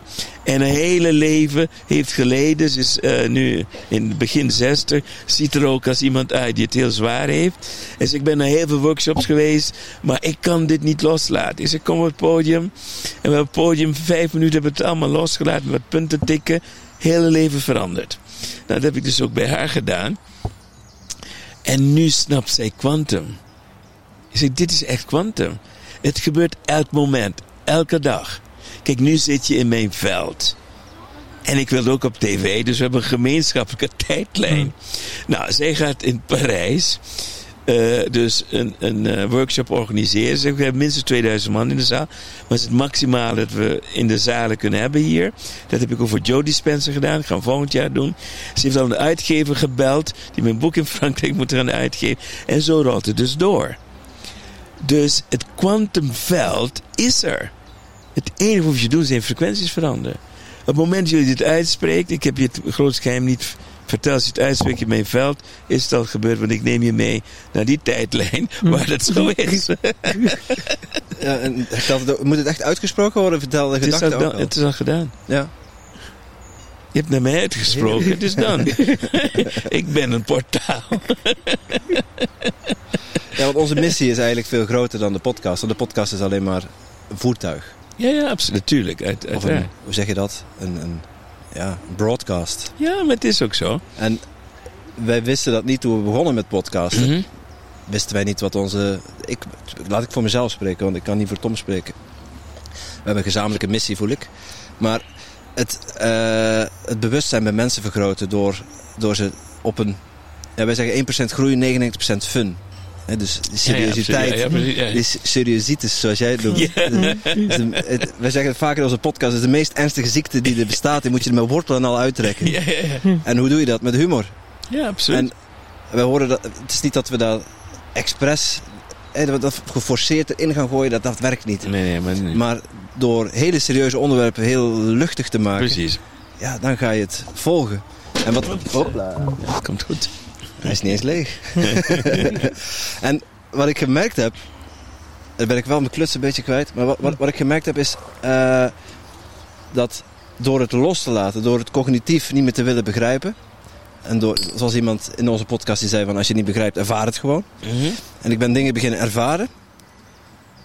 En nu wil ik niks anders dan ervaringen opdoen. Ja. En door de podcast beginnen ervaren wat, wat, wat de levensmissie is. Om mensen te begeleiden op hun pad. Mhm. Om te groeien. En niet omdat we honderdduizend luisteraars willen hebben. Nee, precies. Maar omdat ik een drive voel. Ja, je het zo mooi zei. Als, ik, als wij geen luisteraars zouden hebben, zou ik dit ook doen. Ja, ja precies. Ja, precies hetzelfde. Ik zei ook, als ik moest betalen om mijn workshop te geven, en het gebeurt af en toe, dan mm. zou ze nog geven. dus het, het allerbelangrijkste is, is eigenlijk het volgende. Ik heb op mijn website heb ik een filmpje staan. Het gaat over quantum. En we hebben zowel in het Nederlands als in het Engels. En als je daar in het filmpje toe gaat, heb ik een film gecreëerd wat kwantum werkelijk is. Daar leg je uit over tijdlijn, daar leg je uit over dimensies, derde, vierde, vijfde dimensie. En hoe je dus daarmee kunt verbinden. Wat een quantum timeline jump is en noem maar op. En het allerbelangrijkste is dat alles wat ik nu is gebaseerd op kwantum. Je hebt over humor. Lichtheid is humor. Maar dan lach je om alles. God is een comediant. Echt. God geniet. Mateloos. Een echte guru kan nooit serieus zijn. Een serieuze guru is geen guru. Snap je? Een echte guru lacht om alles. Snap je? En ehm, het gaat natuurlijk om liefde. En dat snappen mensen niet. Ik, stond, ik was, gaf een keer een workshop in Duitsland. En er was een soort congres. En op een gegeven moment kom ik in de foyer waar mijn ding geweest. En een hele lange rij staat bijna naar buiten toe. Ik ga naar de lijn naar voren, zie ik een Indiaanse vrouw. Allemaal mensen huggen. En die staat in de rij om die vrouw te huggen. Ik zeg, die vrouw, maak je zorgen, ik kom je wel helpen. Ik zeg, iedereen, kom hier, ik kan ook huggen. Maar niemand wil bij mij huggen. die mensen weten niet wat ze hebben verloren. Wat ze gemist hebben. Ja, ik had het kwantumveld voor ze kunnen ophalen. Ik zei, dat is helemaal jammer. Maar zij heeft een reputatie. Als je hugt, dan verandert je leven. Dus wat doet zij? Haar trilling is zo hoog dat ze je vasthoudt hart tot hart brengt ze je op een andere tijdlijn. Dat is wat ze doet. Ik kan het ook, maar niemand gelooft me. ik heb zes maanden geleefd van het licht, waarin ik niet eet en niet drink. Ik heb het gedaan alleen maar om te experimenteren. Kan het of kan het niet? Het is niet mijn missie, nog mijn boodschap moeten leven van het licht. Ik heb een boek gezegd, kwantumenergie, hoe we wel het licht in ons kunnen opnemen. Ook als we eten, waardoor ons lichaam alles krijgt wat het nodig heeft. Waardoor je kan eten wat je wil, je lichaam wordt toch gevoed. Puur eerst met gouden frequenties. Alles is mogelijk. Dus, als je iets wilt veranderen, dan moet je komen vanuit lichtheid. En ik heb dat moeten leren. Toen ik naar Amerika verhuisde in 1986, uh, uh, mijn eerste vrouw die was helemaal weg van comedy shows. En we hadden zo'n, weet je wel, dat was Comedy Central of zo. Mm -hmm. En ze ja, ging meekijken. Ik vond er niks aan. Zij zat te schateren en te lachen. je vind je dit nou leuk? En toen zei ze tegen mij: Roy, you lost your sense of humor. En dat kwam binnen. En toen ben ik gaan kijken naar stand-up comedians. Toen ben ik gaan leren van stand-up comedians. En toen is een hele wereld voor me open gegaan. Want enige vraag die een stand-up comedian zichzelf stelt: wat is leuk hieraan? Wat er gebeurt, je valt op je kop. Weet je wel, je hebt een been gebroken en je zit te lachen. Wat was dat leuk? Weet je wel? Hoe grappig ben ik naar beneden gekelderd? dus dat is een heel andere vraag. De vraag die je stelt, krijg je altijd een antwoord op. Als jij tegen het universum zegt, ja, waarom kan ik niet afslanken? Zegt het universum, nou, ik heb hier een lijst voor je. Als het universum vraagt, waarom is het zo makkelijk om af te slanken? Krijg je ook een lijst. Dus de vraag die je stelt, daar krijg je antwoord op. Want het universum luistert altijd. Ja. En soms komt het antwoord sneller, sneller dan je denkt. En dan komt het, je moet wel opletten. Want het universum is ook heel grappig. Het universum spreekt op je op een manier die gewoon soms niet helemaal helder is. Wij denken het moeten horen, zien of wat dan ook. Dan moet je eens voorrijden, je rijdt hier s'nachts naar huis. Hè? Dan vlak bij het bos, in één keer steekt een hert over. Nou, de meeste zeggen, wauw, gelukkig heb die hert niet geraakt. Maar vraag je af hoeveel moeite het heeft gekost voor het universum om op het juiste moment hert te doen oversteken. Jij denkt toeval is. Wat als het niet is? Dus wat doe je als je thuis komt? Ga je googlen spirituele betekenis van hert. Dan zie je een antwoord op een vraag. Snap je? Dus het universum continu met je aan het communiceren. Maar je weet het niet. Het is een heel mooi verhaal van Deepak Chopra, mm. dat je het begrijpt. Hè? Mm. Dus Deepak Chopra geeft elke maand gaf hij een, een college in Boston. En hij woont in Californië. En elke maand wordt hij opgehaald door een zwarte auto. Ik weet niet of elke week, ik weet niet meer. Het maakt niet zoveel uit. Hij wordt opgehaald maar door een zwarte sedan. Waar hij achterin zit met een chauffeur. En op een gegeven dag komt een gele auto aan. En Deepak zegt, gele auto. Wat wil het universum tegen me vertellen? Hij gaat zitten, maar nu is hij aan het opletten. Hij kijkt, hij ziet, wat hem opvalt, een billboard. Met geel, Lipton Tea. Hij zegt, het zou toch niet kunnen gaan op het feit dat ik nu Ayurvedische thee aan het maken ben. Ik zoek naar een theefabrikant. Zou dat kunnen? Nou, oké. Hij reist verder. En op een gegeven moment uh, vliegt hij. En naast hem zit iemand. Hij vliegt eerste klas. En die zegt, jij bent Deepak Chopra. Ja, ik ben Deepak Chopra, maar wie ben jij? Die vent zegt, ja, ik uh, ben uh, directeur van een theekruidenfabriek. Hij zegt, ik heb de hele dag al naar je uitgekeken. maar snap je hoe het universum werkt? Ik, ik ben het aan het ervaren, ja. Ja, precies. Ja. Wij, wij verhuizen van Florida naar. Noord-Carolina. Laat ik er gelijk bij zeggen. Je? Nee, je hoeft het niet te snappen. Ik begrijp er niks van.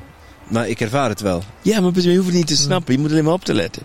Wij verhuizen van Florida naar Noord-Carolina. En op een gegeven moment zeggen we, we hebben een nieuwe accountant nodig. Wat doen wij? Wij zenden uit in het veld. Dat is het wat we doen. En dan wachten we. Dus ik ga de volgende dag ga ik naar Starbucks toe.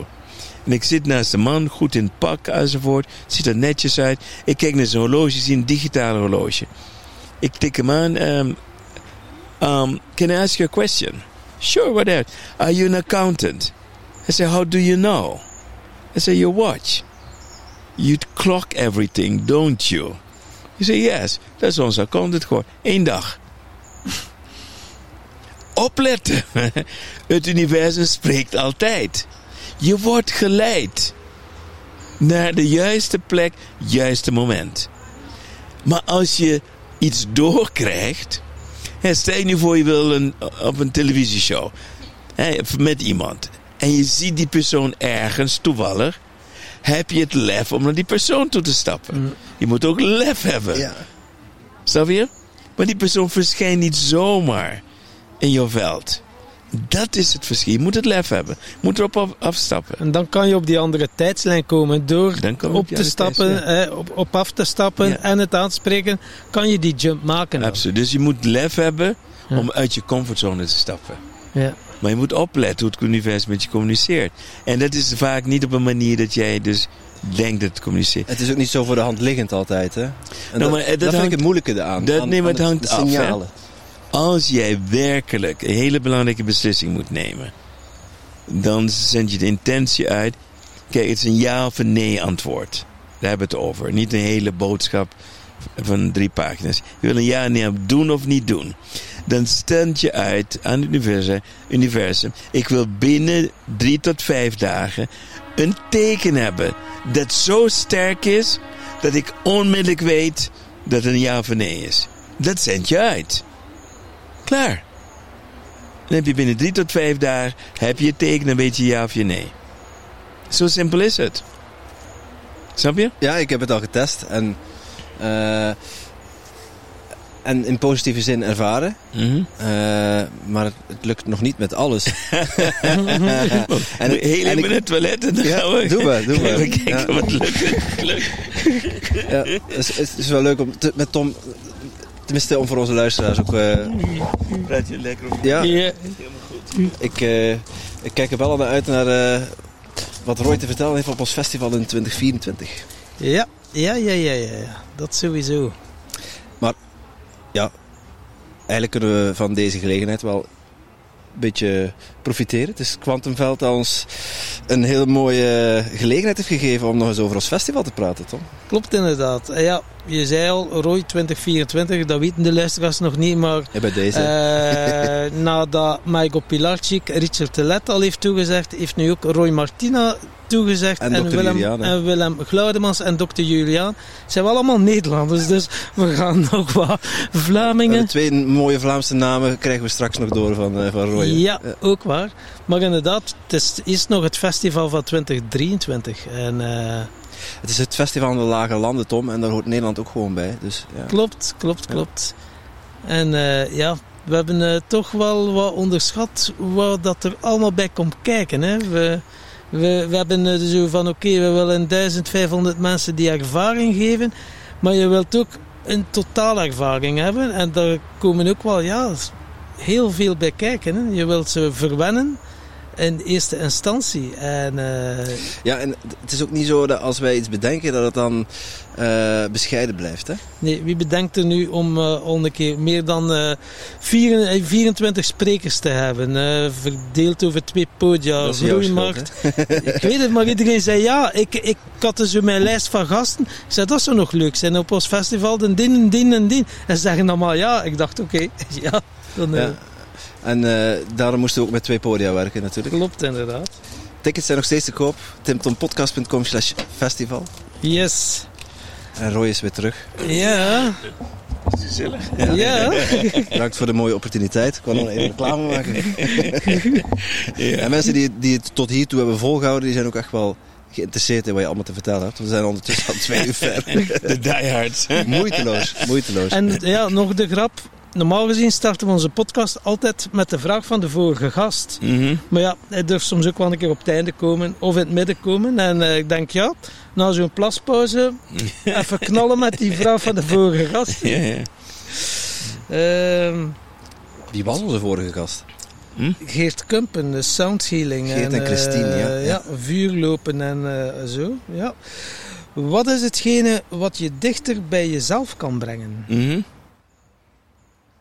Nou, de, de vraag is. eh,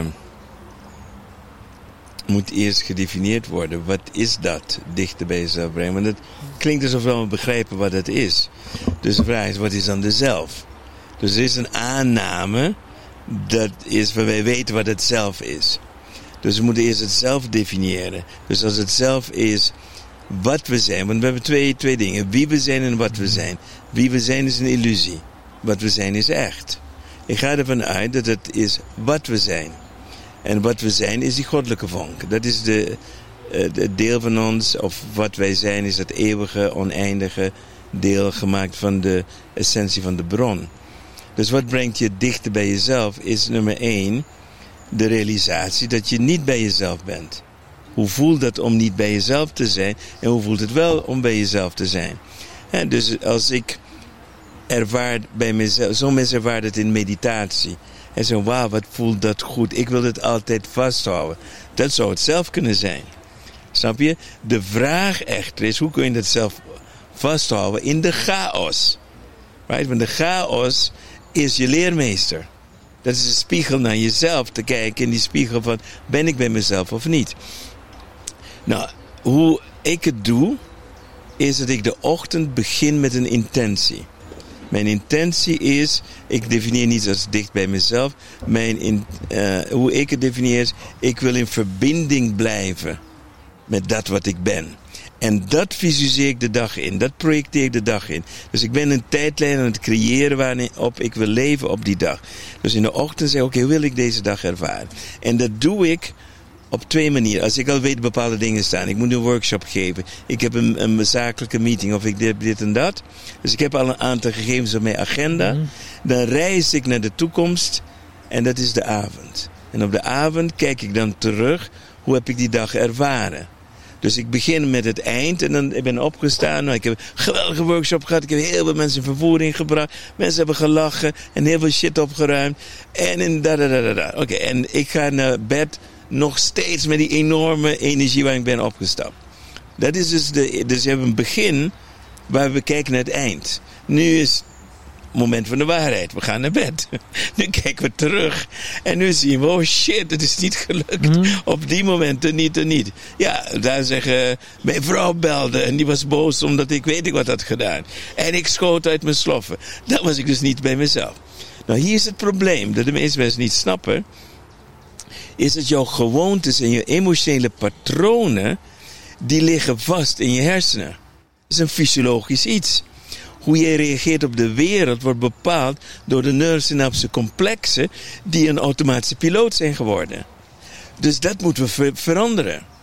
Nou, en hoe verander je dat? Dus steeds opnieuw, wanneer je getriggerd wordt, om opnieuw erin te stappen, maar nu te beleven zoals je had willen beleven bij jezelf.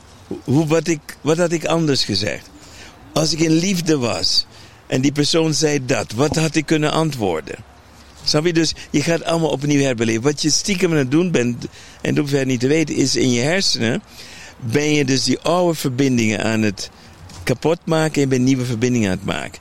En als je dat doet, een minimaal van zeg maar uh, drie keer 21 weken, dan word je steeds drie meer... keer 21 weken? Nou, sorry, drie, eh? 21 dagen. Sorry. Okay, ja, ja, ja, Goed okay, dat je ja.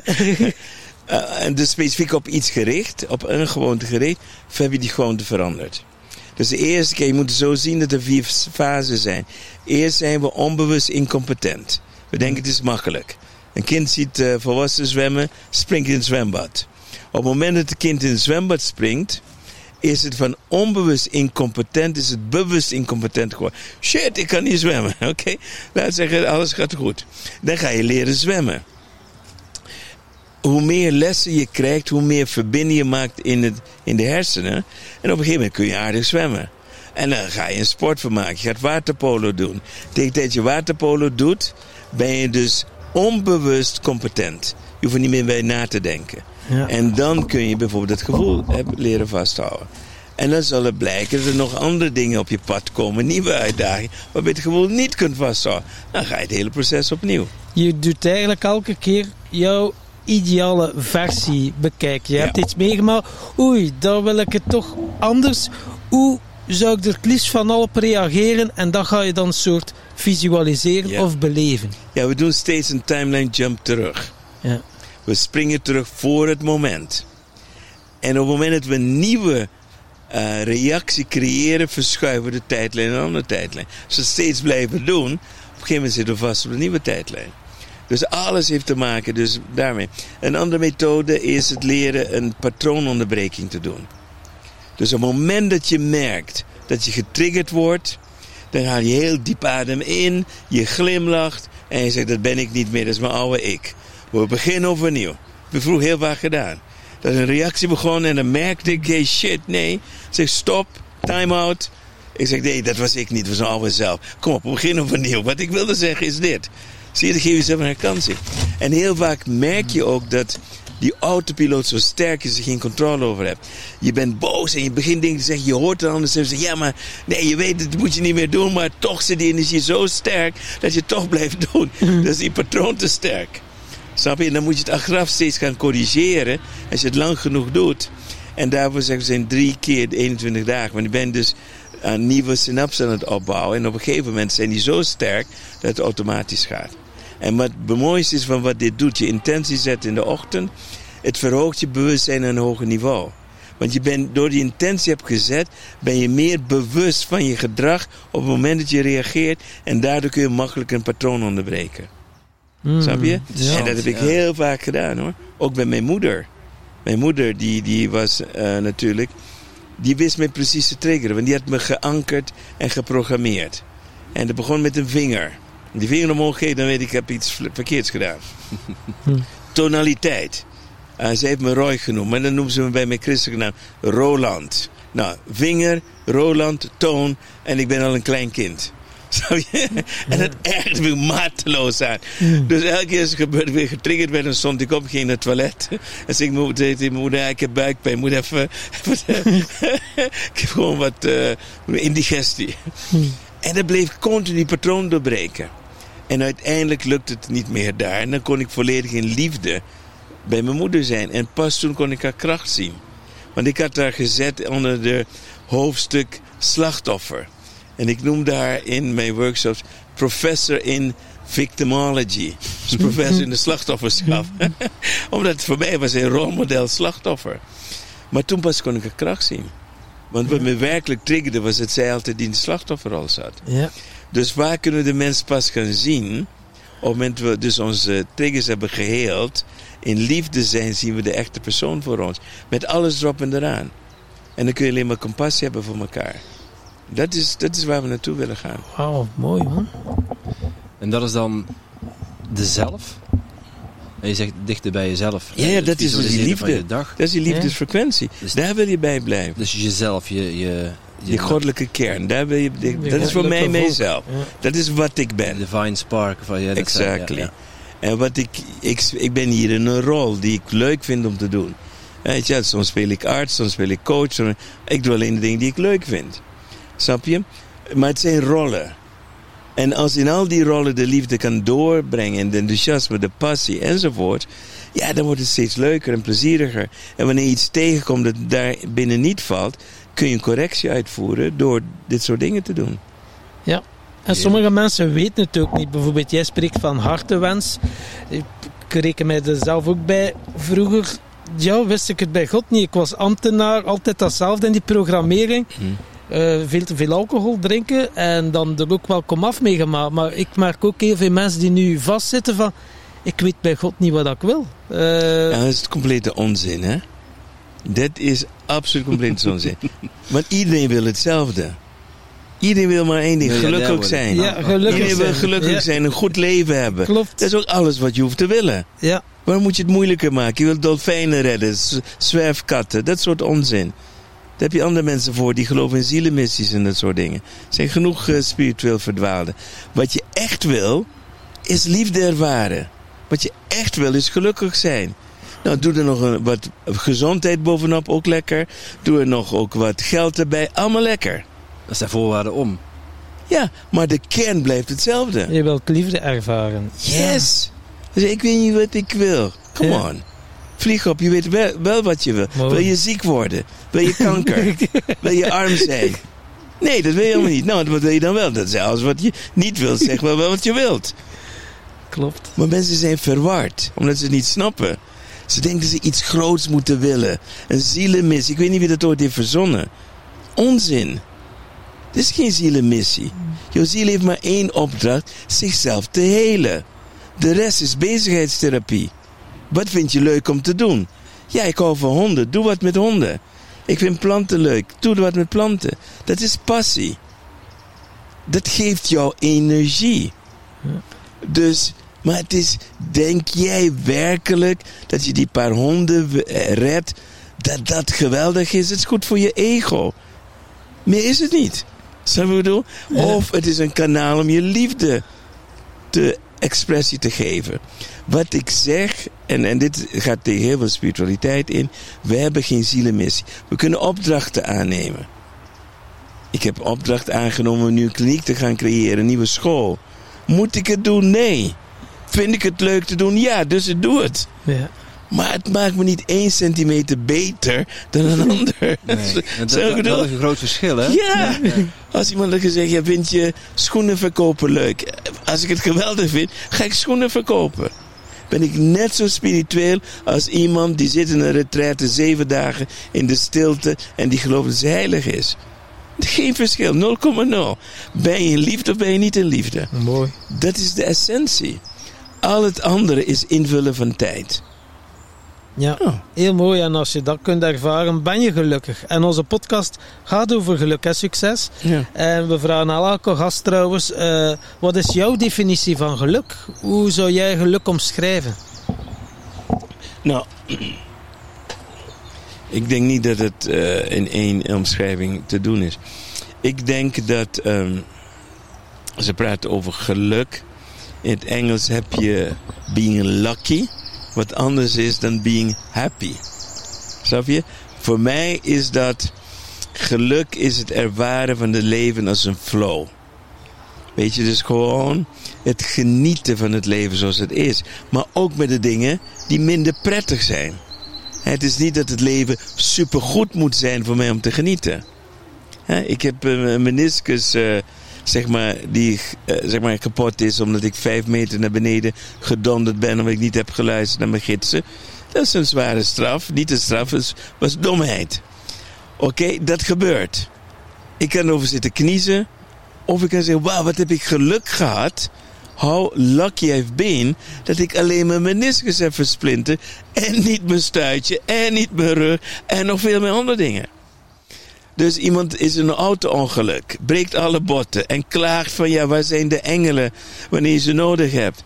De engelen gezorgd dat je niet bent overleden, dat je, nog, dat je tenminste nog leeft. Vertellen, ja. Snap je? Dus dat is geluk. Het geluk is zien dat het veld voor jou werkt. En de vraag is, do you have fun? Do you experience love? En leer je wat? Voor mij is dat het mooiste vorm van leven die je kan hebben. Ja. Dat is geluk. Heel mooi. Ja, niet slachtofferrol zoeken, maar Nee. de dingen accepteren zoals ze zijn. Absoluut. Kijk, we hebben slachtoffers nodig voor onze film. Hè? Je, kan niet iedereen, je kan niet een film hebben alleen maar wel, verlichte ja. mensen. Er moet een paar ook de Saaie film ja. Ja, iedereen is happy. Wat voor film is te dat? kijken. ja. Helemaal niet leuk, man. Dat doen we al in de hemel. Dat hoeven we hier niet te doen. Dus we hebben dat ook nodig. Mensen willen het ook ervaren. Het is niet goed of slecht. Iemand, iemand ziel heeft gekozen, ik wil dit ervaren voor God, hoe het is om slachtoffer te zijn. Goed, gefeliciteerd. Ik heb een andere rol gekozen. Ook goed. Zo ik bedoel? Het is niet slecht. Als God alles wil ervaren, wil hij ook ervaren hoe het is om miserie te hebben. Waar of niet? Ja, En niemand klopt. heeft gekozen om dienstbaar te zijn in het grote. Maar op het moment dat je wakker wordt, zeg je, ja, dit heb ik zo vaak gespeeld. Het is tijd voor een nieuwe rol. Dan verander je film. Dus het wakker worden is niets anders dan te weten dat je keuze hebt om een andere film te ervaren. En dat je die keuze Het uitoefent. is heel mooi dat je de keuze hebt om een andere film te Ja, ervaren. je- En dan kies jij of dat je de hoofdrolspeler bent van uw film of een figurant bent in uw Ja. film. Ja, figurant in een andere film. Ja, of de figurant in een andere film. Ja. Kan ook, als het maar leuk is. Ja. Weet je wat het erge is? eh, wanneer de mensen terugkomen. Heel veel zijn erg boos. Hè? Maar we kunnen ook hypnose doen om te kijken wat er gebeurt tussen de levens in. Ik heb een boek erover geschreven, Diep Zielduiken.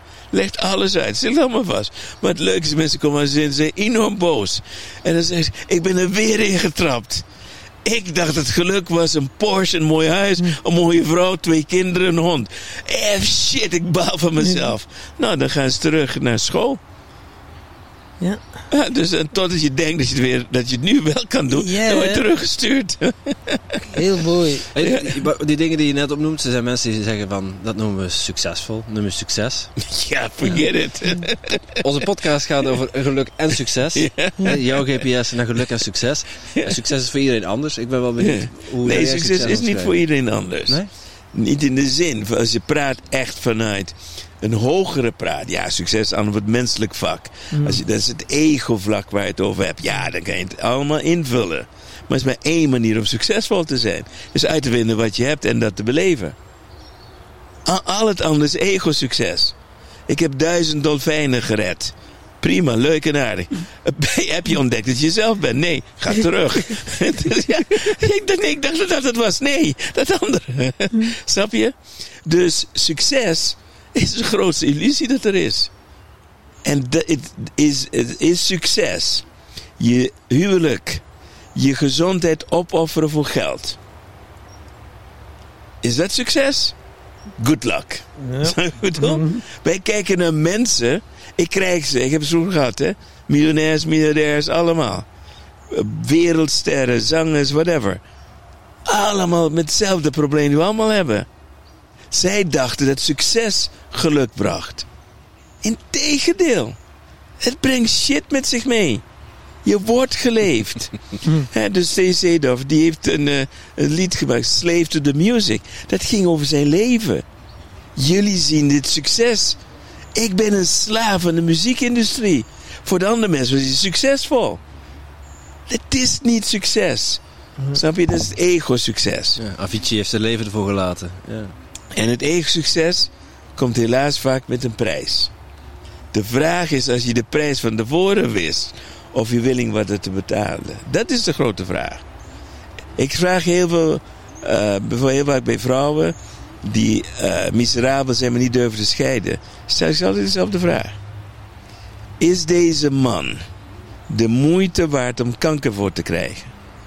Als je ja zegt, moet je blijven. Als je nee zegt, moet je scheiden. Simpel. Want als je gaat zoals je doorgaat, in diezelfde slachtofferrol, ben je bezig jezelf te, te vernietigen. Dat is het. Waar kies je voor? Voor veiligheid in een huwelijk, omdat dat een comfortzone is, of kies je voor de vrijheid om te ontdekken wat je werkelijk bent? En dat is een andere reis. Of je kan kiezen om in dat huwelijk dat die ander te gebruiken als een spiegel voor jouw groei. Hm. Dan heb je een andere keuze gemaakt. Maar de succes voor mij, ik lach erom, joh. Dan zie ik al die mensen zo groot voor te doen met de mooie auto's. Dan zeg ik, ja, wacht maar. Wacht maar tot ik miljardair Ja, ja, ben. precies.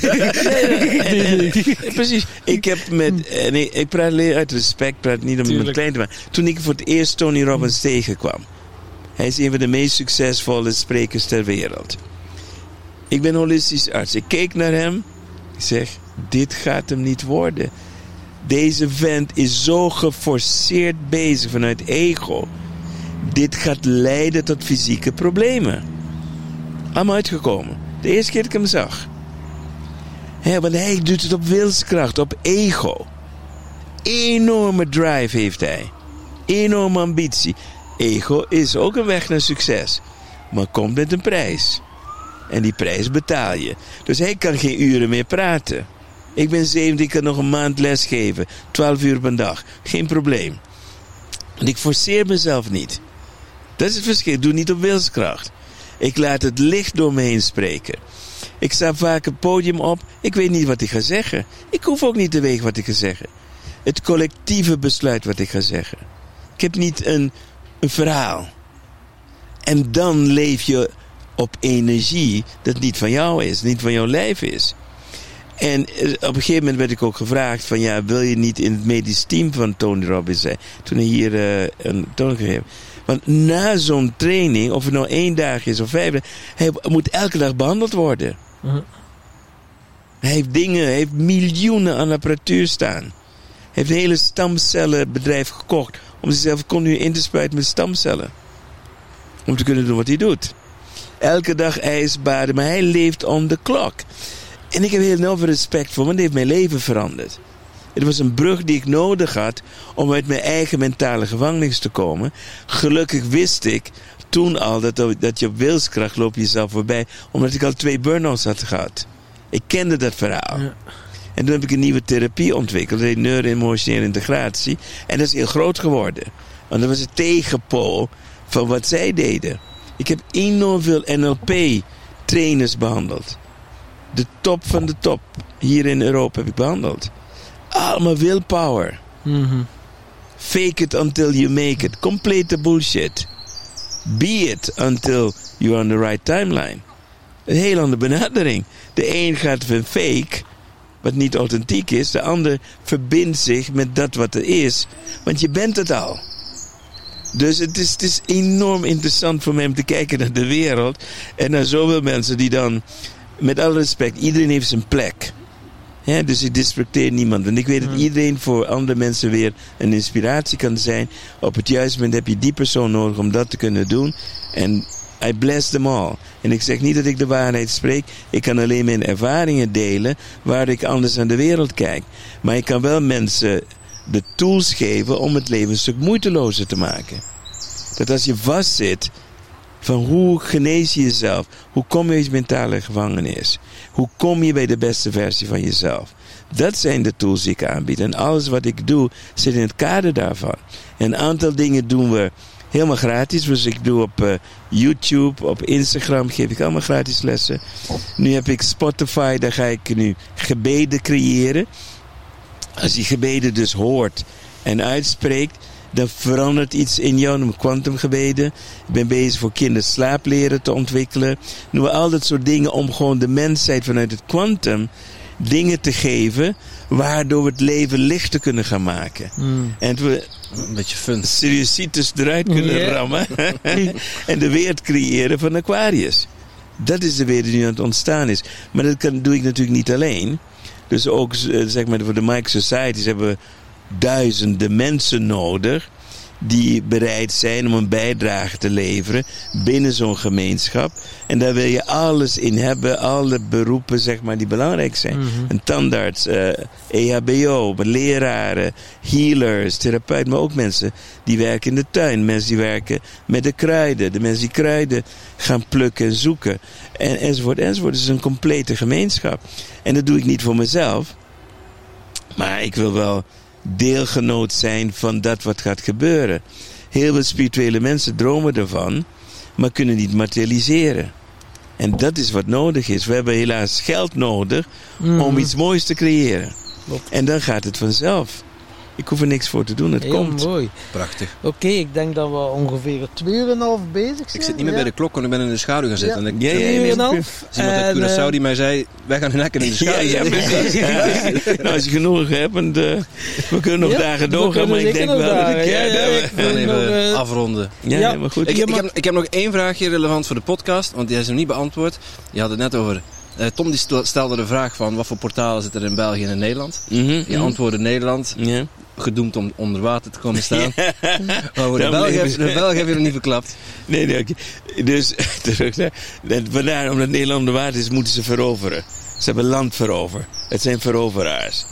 België die zit een stuk veiliger, een stuk zuidelijker. Wanneer van het noorden naar het zuiden toe gaat, verzacht de energie. Dus de sterkere trillingen, doe, doe, doe, doe, zit meer in het noorden. Dus kijk maar naar New York. Hè, eh, kijk naar Italië, Milaan. Zit het noorden, kijk naar Sardinië. Dus Noord-Zuid bepaalt heel veel in het land, dus ook geografisch. Dus je zit hier meer in de zachtheid. Meer in het noorden. Vandaar dat levensstijl. De, de Belgen of houdt van luxe, van een mooi leven. Eh, ze, ze willen gewoon genieten, maar ze hebben ook een oog voor het mooie, esthetische. Zo wat Eh, Bourgondische. Is Ja, ja, maar zo? gewoon. Ja. Ik, toen mijn eerste workshop gaf in België aan artsen, was het meest belangrijke wat de artsen vroegen is: wat gaan we eten? Niet wat gaan we leren. Ik was shocked. dat staat centraal. Lekker leven. Stond centraal. Nou, toen hield ik gelijk van de Belgen. Ik was gelijk verliefd. ik kwam thuis. dus dat is een andere energie dat hier straalt. Natuurlijk is dat mensen komen worden geboren in de energie. Maar ze kunnen ook ontsnappen aan die energie. Dus het is niet dat alle, je kan niet iedereen onder hetzelfde noemen vatten. Niet alle Nederlanders zijn drukke mensen. Daar zijn we on- uit. Dat heeft meer met de ziel te maken. Maar als land zet je dat dus Dus dat neer. die trilling, Ja. ja. Dus als je vraagt aan mensen in het buitenland: wat zijn de meest bekende producten van België?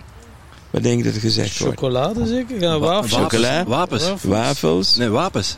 Hè? Niet? Wapens, dat heb ik, dat heb je Nee. nog niet gehoord. Dat heb ik Nee. Chocola wel, wafels wel. Je hebt ook nog eh. Brussels sprout. Ja. Je hebt eh, mussels from Brussels. Ja. Ja, ja, ja, ja, ja. De French fries, de, de frieten. Ja, ja, ja. ja. De- maar het begint meestal chocolate. Ja, eh, En waffels. ja. Ja, ja, het is lekker. Ja. Klopt, Dus, klopt. dus het is wel grappig. Ja, en bij Van- Nederland is dan Ja. kaas. Ja, ja, kaas en bier, Heineken. Ja, Heineken, ja. Tulpen, Ah, klompen. ja, Ja, dat is dat tulpenklompen, tegenwoordig. ja. Ja, ja, maar het is wel leuk als je naar landen met een heel andere optiek kijkt. En dan kun je de vraag achteraf gaan stellen: waarom kies ik voor dat land? Ja, Wat, wat ben ik om ervaren in dit land specifiek? ja, Dus leer het land kennen vanuit die vibratie, want dan in die vibratie zit er iets voor jou. ja. Wat doe je daarmee? Heel mooi. Ja, dus het is wel, eh, het is wel goed. Ja. Prachtig. En jij, jij mag nog een vraag bedenken voor onze volgende gast. Oké, hele goeie. Even nadenken.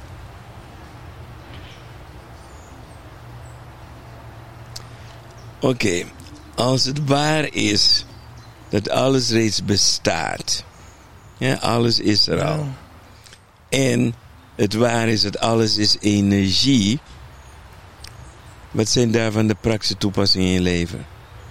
Als het waar is dat alles er reeds bestaat, wat zijn dan de praktische... Ja, nee, alles reeds bestaat en alles is energie. Ja, ja, ja. Wat zijn we dan van de praktische toepassingen? Ja, wat, leven? wat, hoe, hoe gebruik je het in praktisch? Hè? Want heel veel mensen roepen dat. Maar hoe gebruik jij dat praktisch? Ah, dat is ja, een heel ja, mooi ja. verhaal.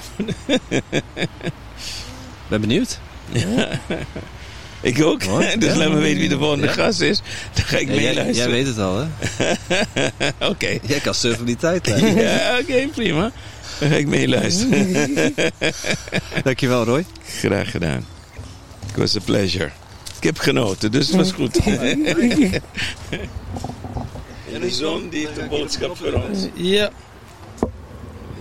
Is dat alles er bestaat en alles... En jij natuurlijk ook super bedankt om te luisteren naar deze podcast. Voel jij je geïnspireerd? Je zou ons een enorm plezier doen door ons 5 sterren te geven of een review achter te laten in jouw favoriete podcast-app. En wil je geen enkel inspiratiemoment missen? Abonneer je dan op onze podcast of volg ons op social media at Tim Tom Podcast. Oké, dan moet je weer terug aan de top.